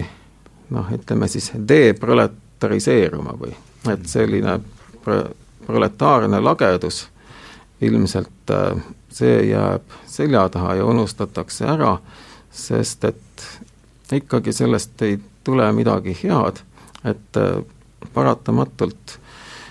inimene muutub ikkagi mitmekihilisemaks jälle, igasuguseid asju tuleb juurde, noh, nii heas kui halvas mõttes, noh, mitte kunagi, seda ei peaks mõtlema, et me kunagi nagu kurjast üldse lahti saame või seda ei juhtu mitte kunagi, tähtis on, et kuidas me sellega toime tuleme ja, ja suhestume.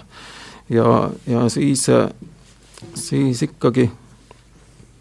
inimesed hakkavad jah, mitte ainult oma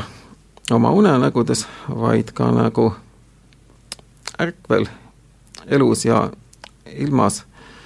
natukene vabamalt suhtlema teiste olenditega, ka võib-olla asjadega ja võib-olla nägema rohkem, et siin on noh, mis puutub sellesse panpsühhismi, siis noh, ma arvan, et ainus oht, mis nagu niisugusel optimistlikul või entusiastlikul üleminekul naturalismist animismi olla võib, on see, mis on, Werner Herzog on teinud äh, kunagi ühe filmi ühest äh, Ameerika noorest antropoloogist, The Grizzly Man. näinud seda, väga vägev film. jah, Alaskas käis nagu karude juures ja suhtles nendega ja ta sai isegi lõpuks nendega päris hästi läbi, aga lõpuks ta läks nii kaugele, et üks äh, isa karu sügisel, hilissügisel murdis ta maha ja tema tüdruku ka. ta pani veel telgi valesse kohta ja ühesõnaga, ja siis seal oli palju neid tema enda tehtud võtteid ka sellest, kuidas ta karudega suhtles ja siis oli, vahepeal oli väike lõik ka sellest, kuidas siis äh, need äh, Alaska põliselanikud sellesse suhtusid ja nemad suhtusid nagu väga distantseeritult. Nad ei pidanud sellist tegevuviisi üldse mõistlikuks ja ongi nii, et animistlikult seisukohalt noh, niimoodi ei tehta, et ei lähe karuga rääkima ja teda patsutama, see ei sobi. unenäos kohtub. just, unenäos ja üldse nagu teistel tasanditel käib see, et niimoodi nagu füüsiliselt püüda mingit ülekannet saavutada, see noh, kätega ravida võib, okei okay., see on midagi muud, seal ikkagi valitseb tegelikult see psüühiline jõud, et see käe peale penamine, see on ainult niisugune väline näiline. aga mitte niimoodi, et kuidagi nagu, nagu otseselt ligineda olenditele ja, ja ilmingutele, mis noh, on tegelikult meile vaenulikus kestas ja või noh, ei, see ei ole, asi ei ole mõeldud niimoodi. ja kas see on ka mingi, mingi see nii, nii-öelda mingit laadi, ma ei tea, kas see on õige sõna, nagu see vastutuse küsimus või vastutuse tajumine või et ka nendes, nendel algsetel sürrealistidel oli, oli minu arvates vähemasti mõnedel ka nagu see samalaadne äh, nagu valus taju, noh, nagu on päris nõidadel. noh, nagu kui on olnud võimalus mõnda neist näha just nimelt, et see ei ole nagu tore koht, kuhu sa sattunud oled, aga sa pead nagu seda asja nagu näitama, kuna enamus inimesi seda ei näe. ja sinu osaks see on saanud, ütlen noh, et, et kuidagi jälle elu on, on nagu mõned, mõned korrad kokku viinud väga palju selliseid kummalisi lugusid, noh vot need, need, need vanaema ja vanaema sõbrannade jutud, sealt tulid mõned väga niisugused selged pildid selle kohta. Äh, aga ka hiljem, kui me Pirgu selle seltskonnaga käisime niimoodi talust tallu ja kogusime neid nii-öelda mitte vaikiva põlvkonna elulugusid ja siis, äh, siis äh, sai satutud nagu selliste, selliste lugude peale just nimelt see, et et see on, see on mingi asi, mis, mis osadele inimestele nagu avatakse,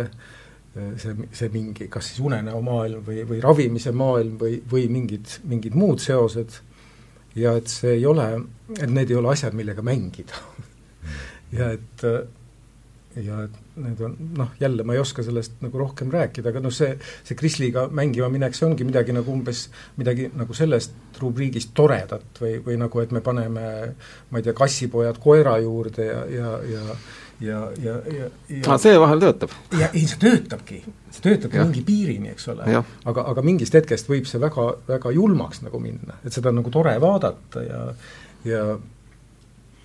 ja aga et mis see vastutus on või noh, vaata,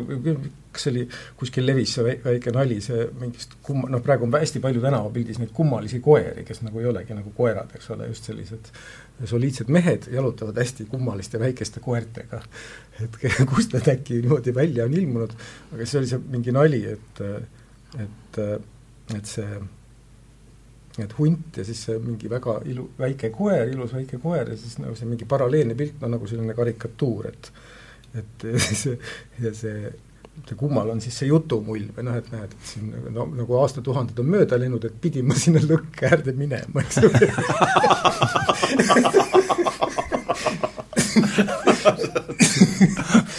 kus sa nägid seda päris nalja? ju ta, ju ta seal selles näoraamatus oli kellegi poolt päris lõbus lugu. et kuidas need seosed, noh et mis need on, et noh, et noh, mingis mõttes ongi noh, et ju kõik on ju lubatud või nagu noh, mäletan kunagi ka jälle see võis olla mingisugune selline kunstmuinasjutt, aga üks nendest nagu indiaani mingisuguseid muinasjutte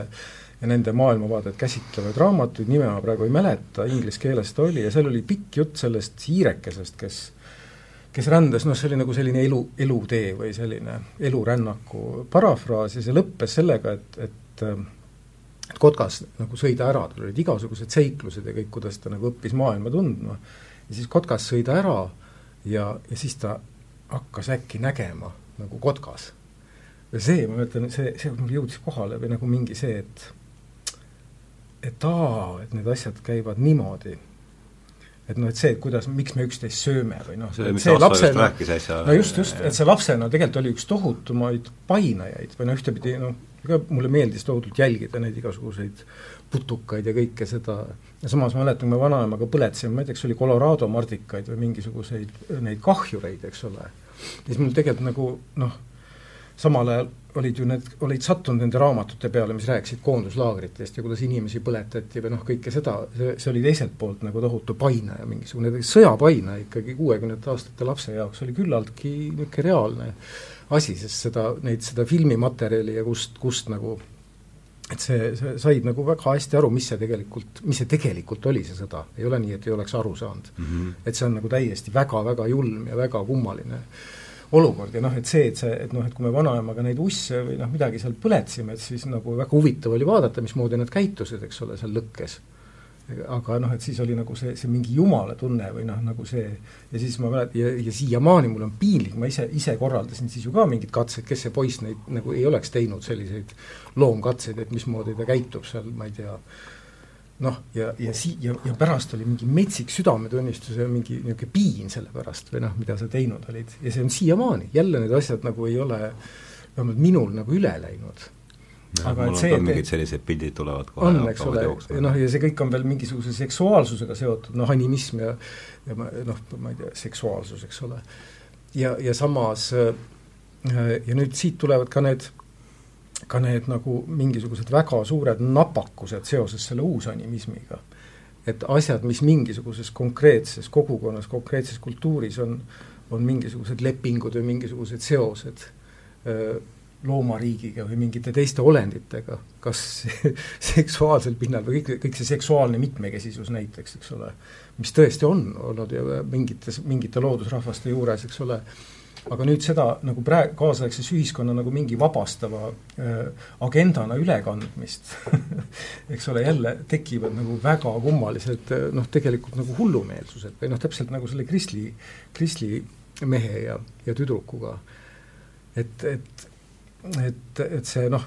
ja muidugi noh, ega neid, neid vigu ei saa nagu tegemata ka jätta või noh, aga seda, seda nagu seda need tantralaagreid ja,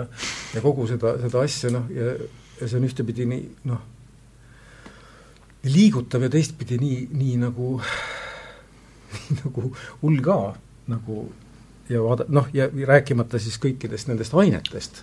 mida, mida nüüd nagu võiks kasutada ja mida nüüd lausa saaks nagu poest osta ja ja jälle iga, iga, iga pärisnõid ju ütleb, et nagu ei ole nagu need asjad ju mängimiseks. et seal on ju ka mingid nii-öelda olendid või sa pead ju teadma, kellega ja kuidas sa seda asja ajad. Et see, see ei ole lihtsalt nagu, et ei ole kanepi võtmine, noh, kanepi võtmine on ka nagu krisli patsutama minek mingis mõttes, noh, kõik, kõik see teema et jälle valgusin kuidagi laiali, aga no mingil moel see on seotud ja ma ei oska seda kuidagi kokku võtta, eks ole. ja see kõigi nende lootuste juures en-, isegi noh, mul on lihtsalt nagu olnud head kaitseinglid elus, et just nimelt seal keskkooli lõpus ja mida kõike sai, eh, mida kõike sai nagu noh, igatsetud või proovitud ja, ja, ja ja, ja siin on noh, ka meie noh, ka see, selles praeguses ühiskonnas on ka kindlasti noh, et see on see kõik see hipi liikumise teema või et kui on kindlasti jõud, kes püüavadki seda nagu selles suunas nagu, nagu hoogustada, noh et see on nagu sama, no sedamoodi, et pange ikka oma suled pähe ja laulge seal nii, kuidas jõuate, et küll meie tegeleme teie naftaga, eks ole. et see, see, mida noh, mida me omavahel ka mitte ainult teiste hõimudega, vaid noh, et see, see, see uus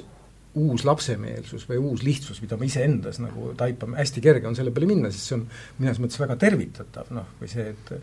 noh, ka, ka noh, et, et oled nagu niisugune lauluja või noh, ütleme noh, ma ei, mina ei ole rokkstaar, eks ole, aga noh, kui, kui ma oleks näiteks või noh, võiks ju olla, eks ole, võimalusi on olnud, eks ole. ei ole ka hilja veel et, et, et see dia-, see vajadus selle dianüüsliku mässleva alge järgi, oh, kuidas, eks ole, ma mässan siin ja. selle ja, ja tulge kõik mind staadionile vaatama ja see, ja see vajadus selle järgi on nii suur, noh see, see, see ennast tõmbab ka, eks ole, et see päris mingisuguse päris, päris, päris allikaga, mingisuguse päris selle võnkega kokkusaamine. aga, aga kust, mis hetkest ta muutub siis nagu kaubaks või, või mingisuguseks nagu, nagu selleks valeuudiseks või võltsasjaks, vot see on see kus see noh. ma panin siin enne kirja selle Jaagu jutust, et see oli huvitav koht, et, et kui biitid laiali läksid ja, ja, ja Tšehhi invasioon oli, et siis sai nagu midagi läbi, et ja, ja noh, ma, mina panin nagu kuskil sinna selle Nixoni eh, narkootikumide vastane sõda võib-olla läheb ka sinna kanti natuke, sest see oli ikkagi mingil määral, kui see see periood, see kuuekümnenda aastates oli see esimene niisugune psühhedeelne, psühhedeelne laine, et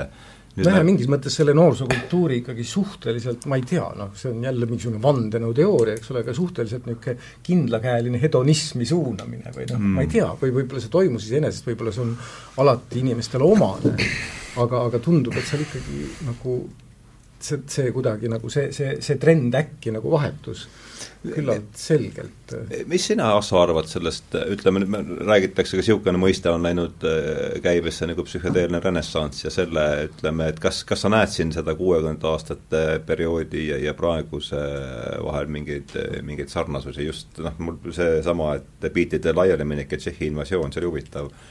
huvitav kombo, ma polnud seda varem nagu niimoodi jah, aga need sarnasused on isegi ju otsesed, sellepärast et äh,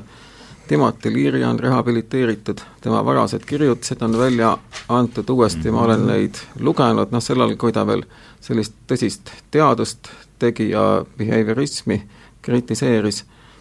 siis äh, väga mitmed äh, psühholoogid, kes on teinud katseid ka, ka salaja, jätkanud neid katseid psühhedeelikutega, on nüüd oma tulemusi hakanud avaldama, et äh, ma arvan, et äh, siin on jah, mingisugusest, ilmselt mingisugusest hirmust on üle saadud, võib ka olla, et ikkagi tuntakse vajadust mingisuguse noh, teatava väljapääsuraja äh, vastu. ja kindlasti ühesõnaga kõik sellised asjad, jah, psühhedeelia seksuaalsust, noh, ütleme, mina ütleks pigem erootika, siis äh, niisugused äh, noh, loo-, loodusele lähenemised, näiteks loodusravipraktikad ja kõiksugune esoteerika, et et need on need erinevad rajad, mis siis loomulikult sellise kaubalise mõtlemise kaudu, pideva kaubastumise kaudu, aga ikkagi nad toimivad, et mina selles suhtes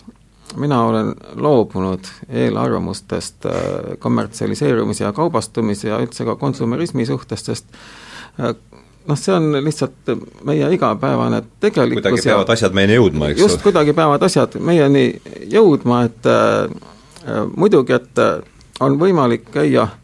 ostukeskuses niimoodi, et sa vaatad, loed kõiki neid väikseid kirju, uurid, kust miski on tulnud ja mida ta sisaldab, noh, ma vahel ikkagi ise ka teen niimoodi, sest ma tahan, tahan teada, ma olen uudishimulik ja ikkagi mõnda asja pärast seda ei osta ja vahetan teise vastu välja, aga et see nagu, see ei ole see sõlmküsimus, vaid ikkagi põhiline on see, et mida siis inimestel vaja on, kui selliseid asju taotletakse ja noh, mulle tundub, et no mulle väga meeldib see Timothy Mortoni selline häälestumise idee, et animism ikkagi, ta algab sellest, et õpitakse teistele olenditele, asjadele, nähtustele nagu ennast häälestama, et mhm. kuidas saada nagu samale lainele. ja sellepärast ongi siis noh, kui, kui väga paljudel varasematel rahvastel on, on olnud unenägu see kõige lihtsam tee, meie jaoks ta ilmselt ei ole, sest me noh, näeme unenägusid lihtsalt niisama, me ei oska tavaliselt eh, nende kohta midagi öelda ega isegi meelde jätta, me lihtsalt noh, teame, et see tegelikkus on ka olemas. aga siis äh, jah, erootika ja psühhedeelia, need on asjad, mis on meile suhteliselt nagu hõlpsamini kättesaadavad ja seal on palju võimalusi, et äh, ikkagi jah, noh minu meelest noh, see äh, niisugused lihtsad kehalised kontaktid, see on võib-olla kõige, kõige esimene ja kõige turvalisem viis nagu noh, millelegi teistsugusele ennast häälestada. kui siis tulevad mängu juba igasugused psühhotroopsed ained,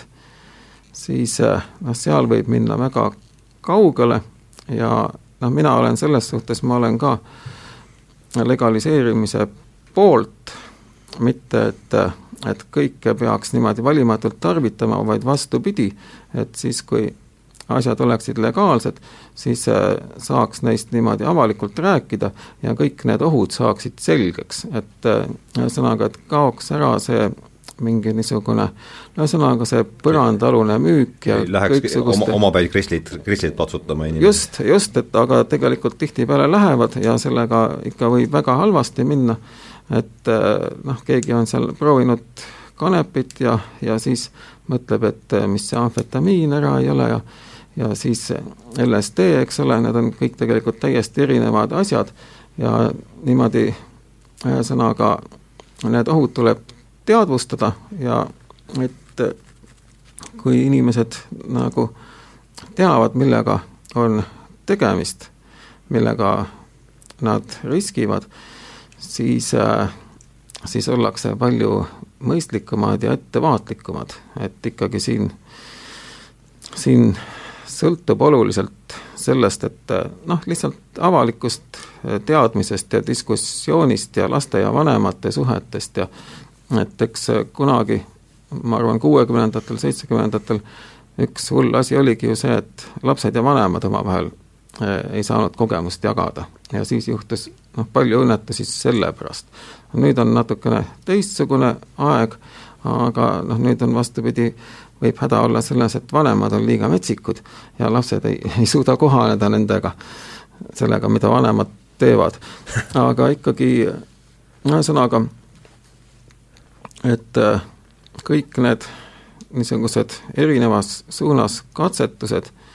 need ilmselt on praegu paratamatud, neid äh, nagu noh, ei saa ei heaks kiita ega hukka mõista, see on see, mis toimub aga ikkagi peaks nagu tähelepanelik olema, mis sealt välja tuleb ja siis äh, on, on häid ja halbu asju ja, ja sellel tuleb teha vahet. et selles suhtes äh, see, et miski on lihtsalt väga põnev ja äge, see ei ole nagu piisav, et äh, teataval hetkel peavad tulema need no eetilised kaalutlused ja ja ka sellised eksistentsiaalsed, et kuidas see, see, mis toimub üldse meie eksistentsi, mõjutab mul, meil on nüüd ütleme kusagil veerand tundi, mitte et me siit kuhugi tormama peaks, aga peame hakkama mõtlema, et ühel hetkel saab see vestlus ka otsa, et et see siin käis äh, tänases jutus käis see termin läbi ja mul jäi see ka plektrummist kõrva ja eks me sellest oleme ka palju rääk-, või see jutt on selle ümber siin ka pöörelnud, aga see sõnaühend, mille ma tahan tähelepanu juhtida, on see animistlik ontoloogia, et eh, see oli küll Asso kõnes käis läbi, aga aga mida sina, viskan sulle, Jaak, ette praegu, mis sa, noh, sõnapaar animistlik ontoloogia, et noh, mis siis, mis asjad on? Ma saan aru, see on küsimus sellest, et mis asjad on animisti arvates olemas, olen ma enam-vähem ühesõnaga, lase käia, Jaak siis tuleme Assa juurde tagasi. ja ma arvan, Assol on praegu parem ots käes. no lase, laseme Assost no niimoodi kõige lihtsamalt, nii nagu Descola selle on, on nagu niimoodi puust ette ja punaseks teinud, on see, et kui noh, esimene vastandus on animismi ja naturalismi vahel, seal on kaksteist ontoloogiat veel, aga et kui meie niisuguse põhiliselt nagu naturalistliku ontoloogia järgi äh, selline looduslik materiaalne maailm on teatavas mõttes pidev ja see läheb siis äh, kuni sellise evolutsionistliku loodusteaduseni, kus ühed olendid on arenenud teistest ja noh, kogu see materiaalne maailm on selline suur pidevuse ahel, aga siis see, mis on meie sees, see teadvus, see on nagu täitsa omaette. Ja see on väga diskreetne ja seda üldiselt omistatakse ainult inimesele, vähemalt ikka selle klassikalise sellise kartesiaanliku mudeli järgi. Ja kahe teadvuse vahel otsest ülekannet kunagi ei ole, see on alati keeruline, et käib mingi niisugune noh, märkide keeles ja igasuguste noh, vahendusprotsesside kaudu suurte eksimisvõimalustega kommunikatsioon ja sellest tuleb igasuguseid hädasid. aga nüüd siis animism on selles suhtes täiesti vastupidine, et äh, looduses äh, see, mis meie ümber on, siin mingit pidevust ei ole, on lihtsalt igasugused erinevad nähtused, vormid, asjad ja kestad. Nende olendite ümber, hingede ümber on kestad, meie keha on lihtsalt kest. et see, mis me päriselt oleme, on siin sees ja ka teistel olenditel, vahel ka asjadel, on mingisugune sisu. ja see, millega saab äh, siis päriselt suhestuda, päriselt nagu kontakti võtta, ongi see sisu ja see kest ainult segab. sellepärast ongi unenägu üks äh, niisugune meedium, mille kaudu on kõige lihtsam teistega ühendust võtta, sellepärast et siis see kest ei sega. me liigume selles puhtas nagu kommunikatsiooni selles pidevuse maailmas. aga kui me oleme sellises tavalises eh, igapäevases ümbruses, siis on jah, noh minul on üks kest, eh, sinul teine kest, koeral või kassil kolmas kest, puul või linnul jälle teistsugune ja ühesõnaga on hulk selliseid kestasid, mis on kogu aeg ees ja nende keskel peab siis kuidagi hakkama saama, aga peab üldiselt olema ettevaatlik, sest et siin nagu pidevust ei ole ja kui ikkagi tuleb probleemid nagu tõeliselt lahendada ja kontakteeruda teistega, siis peab jõudma selle sisemise kommunikatsioonini. Ja noh, see on animismi põhiline idee. ja kas see on siis võimalik, äh, ütleme, kui selles naturalistlikus äh, ra-, mõtteraamistikus oli see teadvustevaheline kontakt, oli võimalik, sa ütlesid kenasti, et see kui märkide vahel ja see, see teeb keeruliseks, animismis äh, kas on see võimalik siis no tegelikult muidugi, et kasutatakse keelt, aga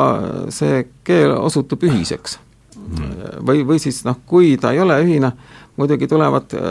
moonutus ei ole välistatud kunagi, aga ikkagi, et eeldatakse seda, et mingi pidevustasand on olemas, et äh, see kommunikatsioon ei toimu niimoodi hüppeliselt äh, kuidagi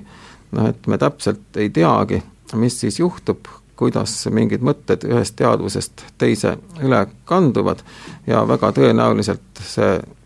kellegi teise tõlgendus, esimene tõlgendus võib olla vale, sest et äh, no lihtsalt ühesõnaga peab, peab tegema väga ranged loogilised reeglid ja niisuguse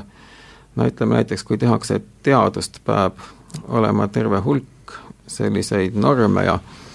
ettekirjutusi, mingisugused omaks võetud aksioomid ja nii edasi, et see üldse toimiks, sellepärast et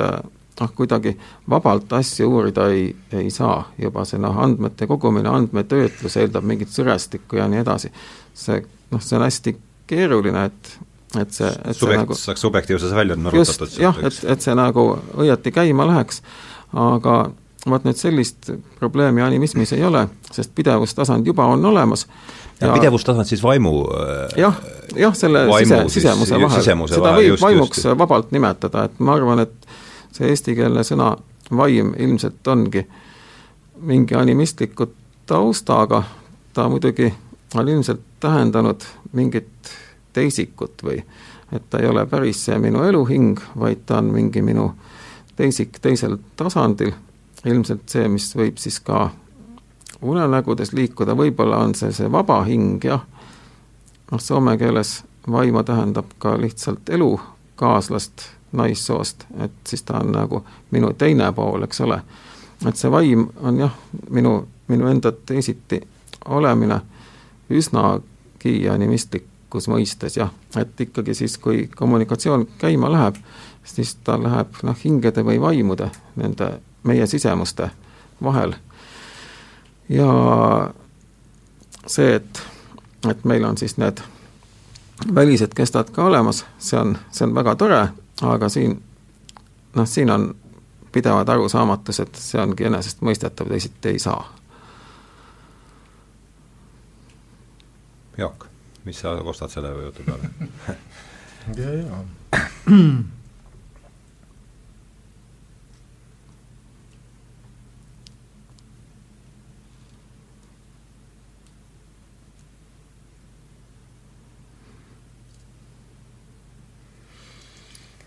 mul millegipärast hakkas keerlema hoopis selline mõte, et oleks nii tegelikult huvitav olnud, kui meil oleks seltskonnas olnud näiteks üks äh, mm, no niimoodi üle, ülepeakaela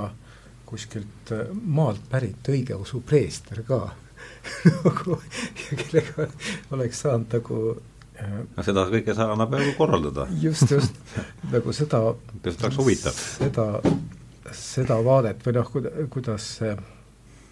kuidas see teema nagu niimoodi praktiliselt sealtpoolt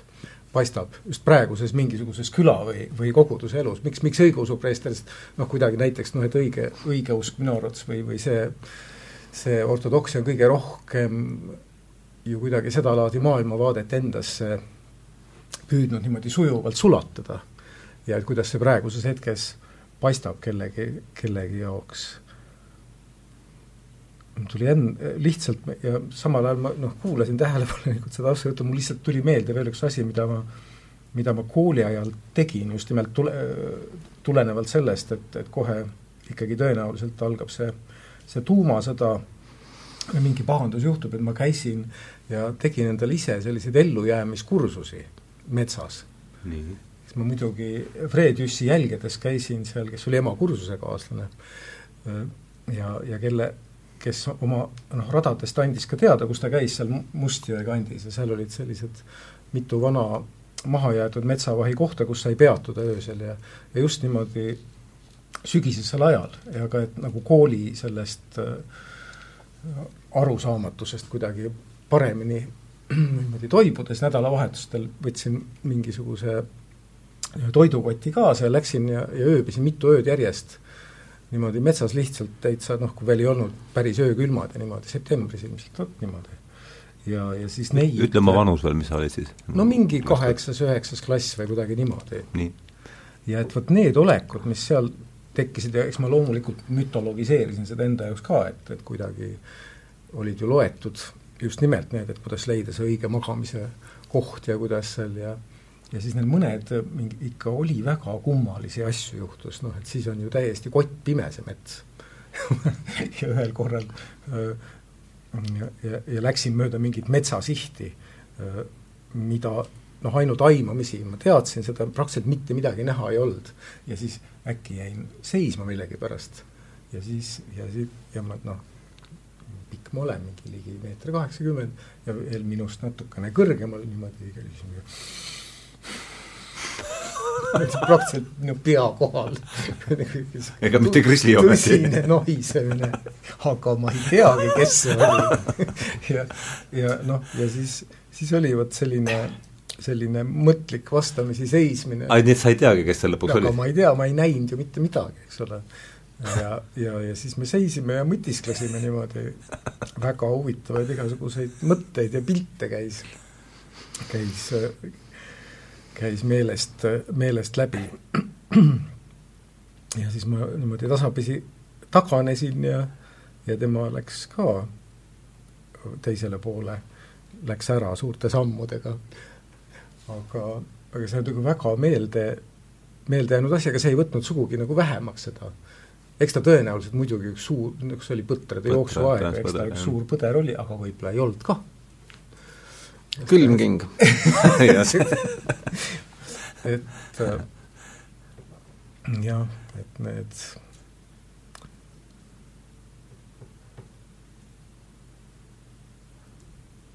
et see, et see, et see nagu see tegelik äh, igatsus noh, mingisuguse teistsuguse olemise või, või lähemal olemise järgi on, on olnud ja on siiamaani suur või noh, ma mäletan, kui olid ikka jälle, sattus ka neid nii-öelda indiaanlasi siia ja siis äh, mm, oli seekord, kui Viljandi kultuurikolledž lõi mingid sidemed seal Kanada ühe hõimuga, kes peaaegu et suutsid endale ülikooligi teha ja siis ma mäletan, seal olid mingid pealikud ükskord ja siis Ansori Barkalaja ja Andre Help ja ma ei mäleta, kes veel oli, siis nad korraldasid meile selle saunatseremoonia. Seal oli kohe mitu pealikku ja sellised vanemad mehed. indiaani sauna. aga me tegime seda, me tegime seda seal Vabaõhumuuseumi suitsusaunas. mitte telgis? mitte telgis, jah. et see nagu jah, ja siis nemad nägid, kuidas see suitsusaun oli ja aga et mis mulle sellest meelde on jäänud ja mul on nagu väga tänulik, et Ansori ja, ja Andre, kes nagu seda asja rohkem ajasid ja lihtsalt kutsusid mind nagu kaasa. ja ilmselt ma ei, ei, ei olnud sellise moega, et ma võiks selle kuidagi ära segada. aga siis nad tegid päris nagu selle niisuguse kogu selle tseremoonia nende, nende rohtudega ja ja mis sellest noh, meelde jäi see, kuidas see pühadus, nii-öelda pühadus ja, ja täiesti, täiesti kontrollimatu huumor on kogu aeg nii lähestikku. Mm.. ja, ja et seda ma ei ole niimoodi nagu rohkem kogenud ja see, see ei meeldi, aga pärast sedasama asja paned nagu igasuguste mm, teiste mingite päris nii-öelda jälle nagu loodusrahvaste puhul tähele, mis on noh, erinev või mida oled nagu igatsenud, mis, mis on jäänud võib-olla arusaamatuks mingite muude noh, siis nagu nende religiooni või, või, või, või kiriku või usuasjade juures. et see, see, kuidas, kuidas selle tseremoonia ajal siis nagu kogu aeg pandi nagu proovile või kogu aeg käis mingi,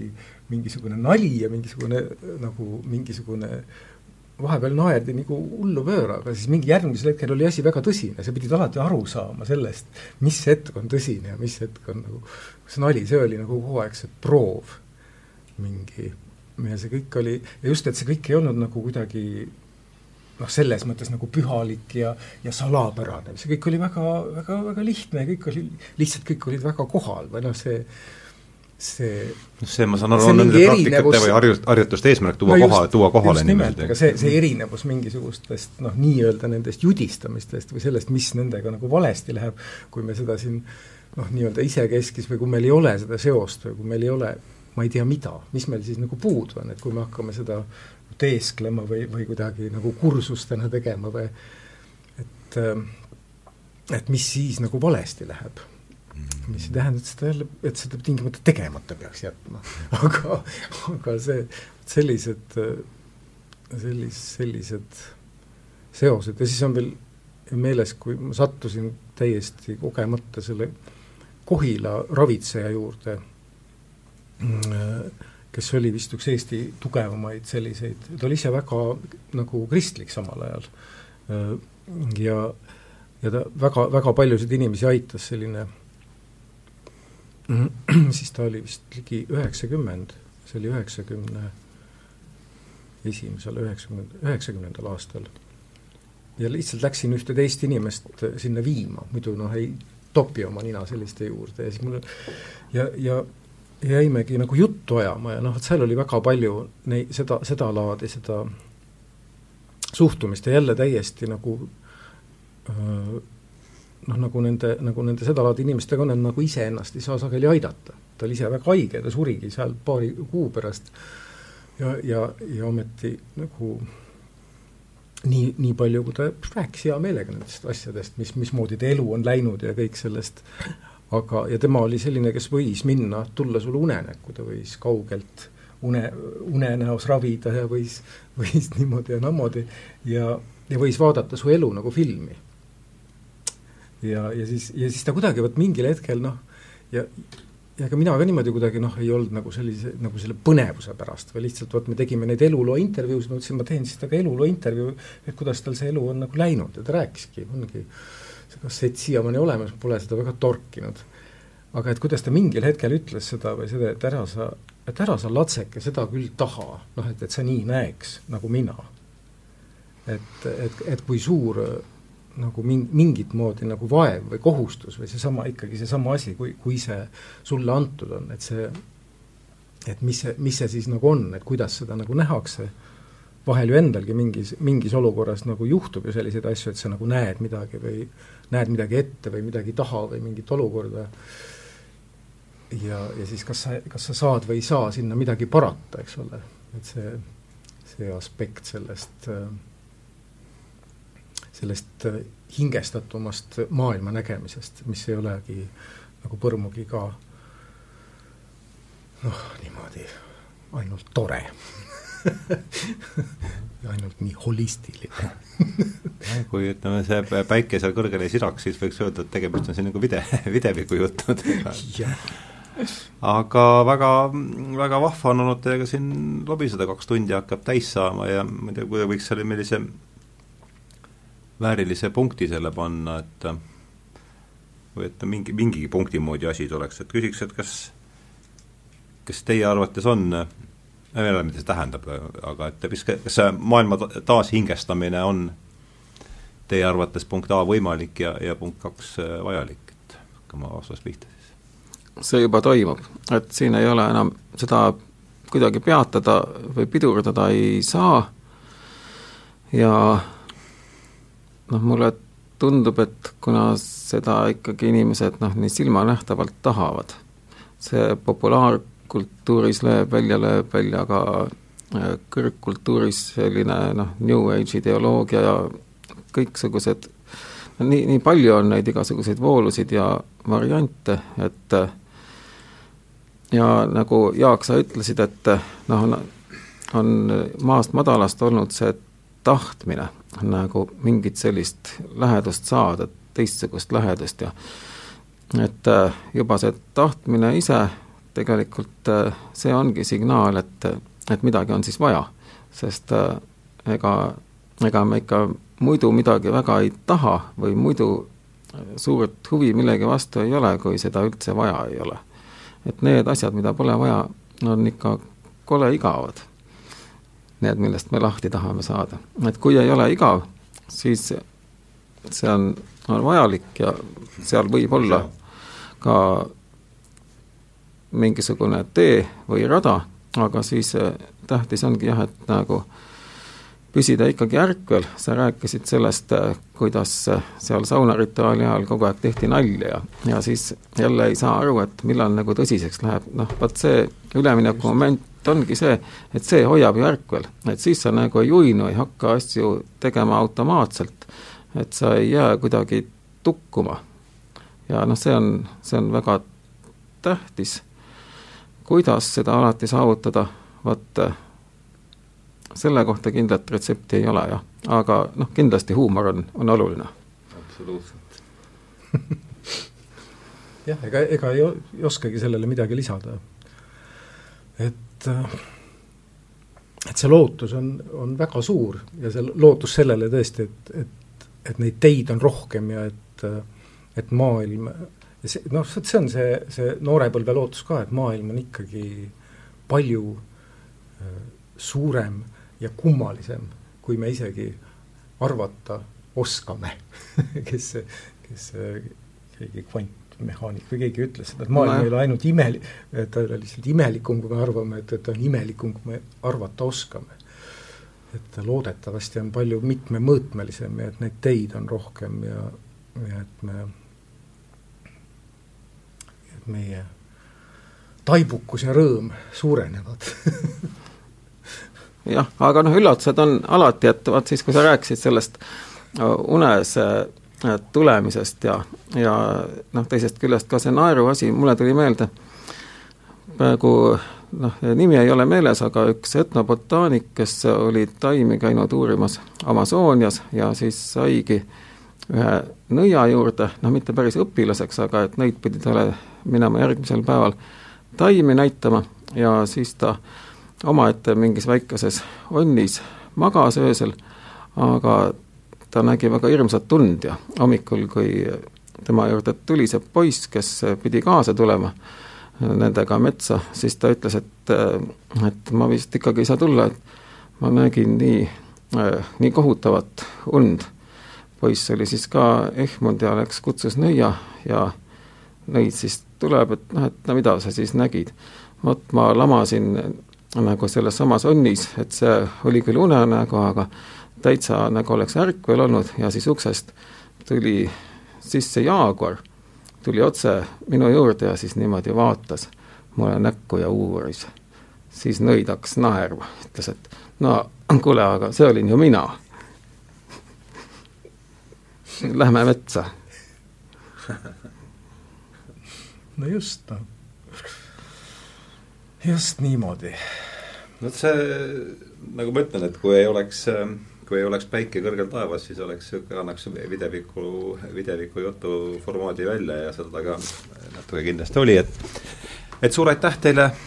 suur aitäh teile tulemast ja, ja loodetavasti kohtume kas siis selles koosseisus või, või või, või pisut muudetus veel, et teemasid, mida siin käsitleda, on, on, on teisigi põnevaid ja ja igatahes nüüd on ots lahti tehtud ja suur aitäh teile tulemast, aitäh, Asso, aitäh, Jaak. Ja aitäh, aitäh kuulajatele ja järgmiste kordadeni!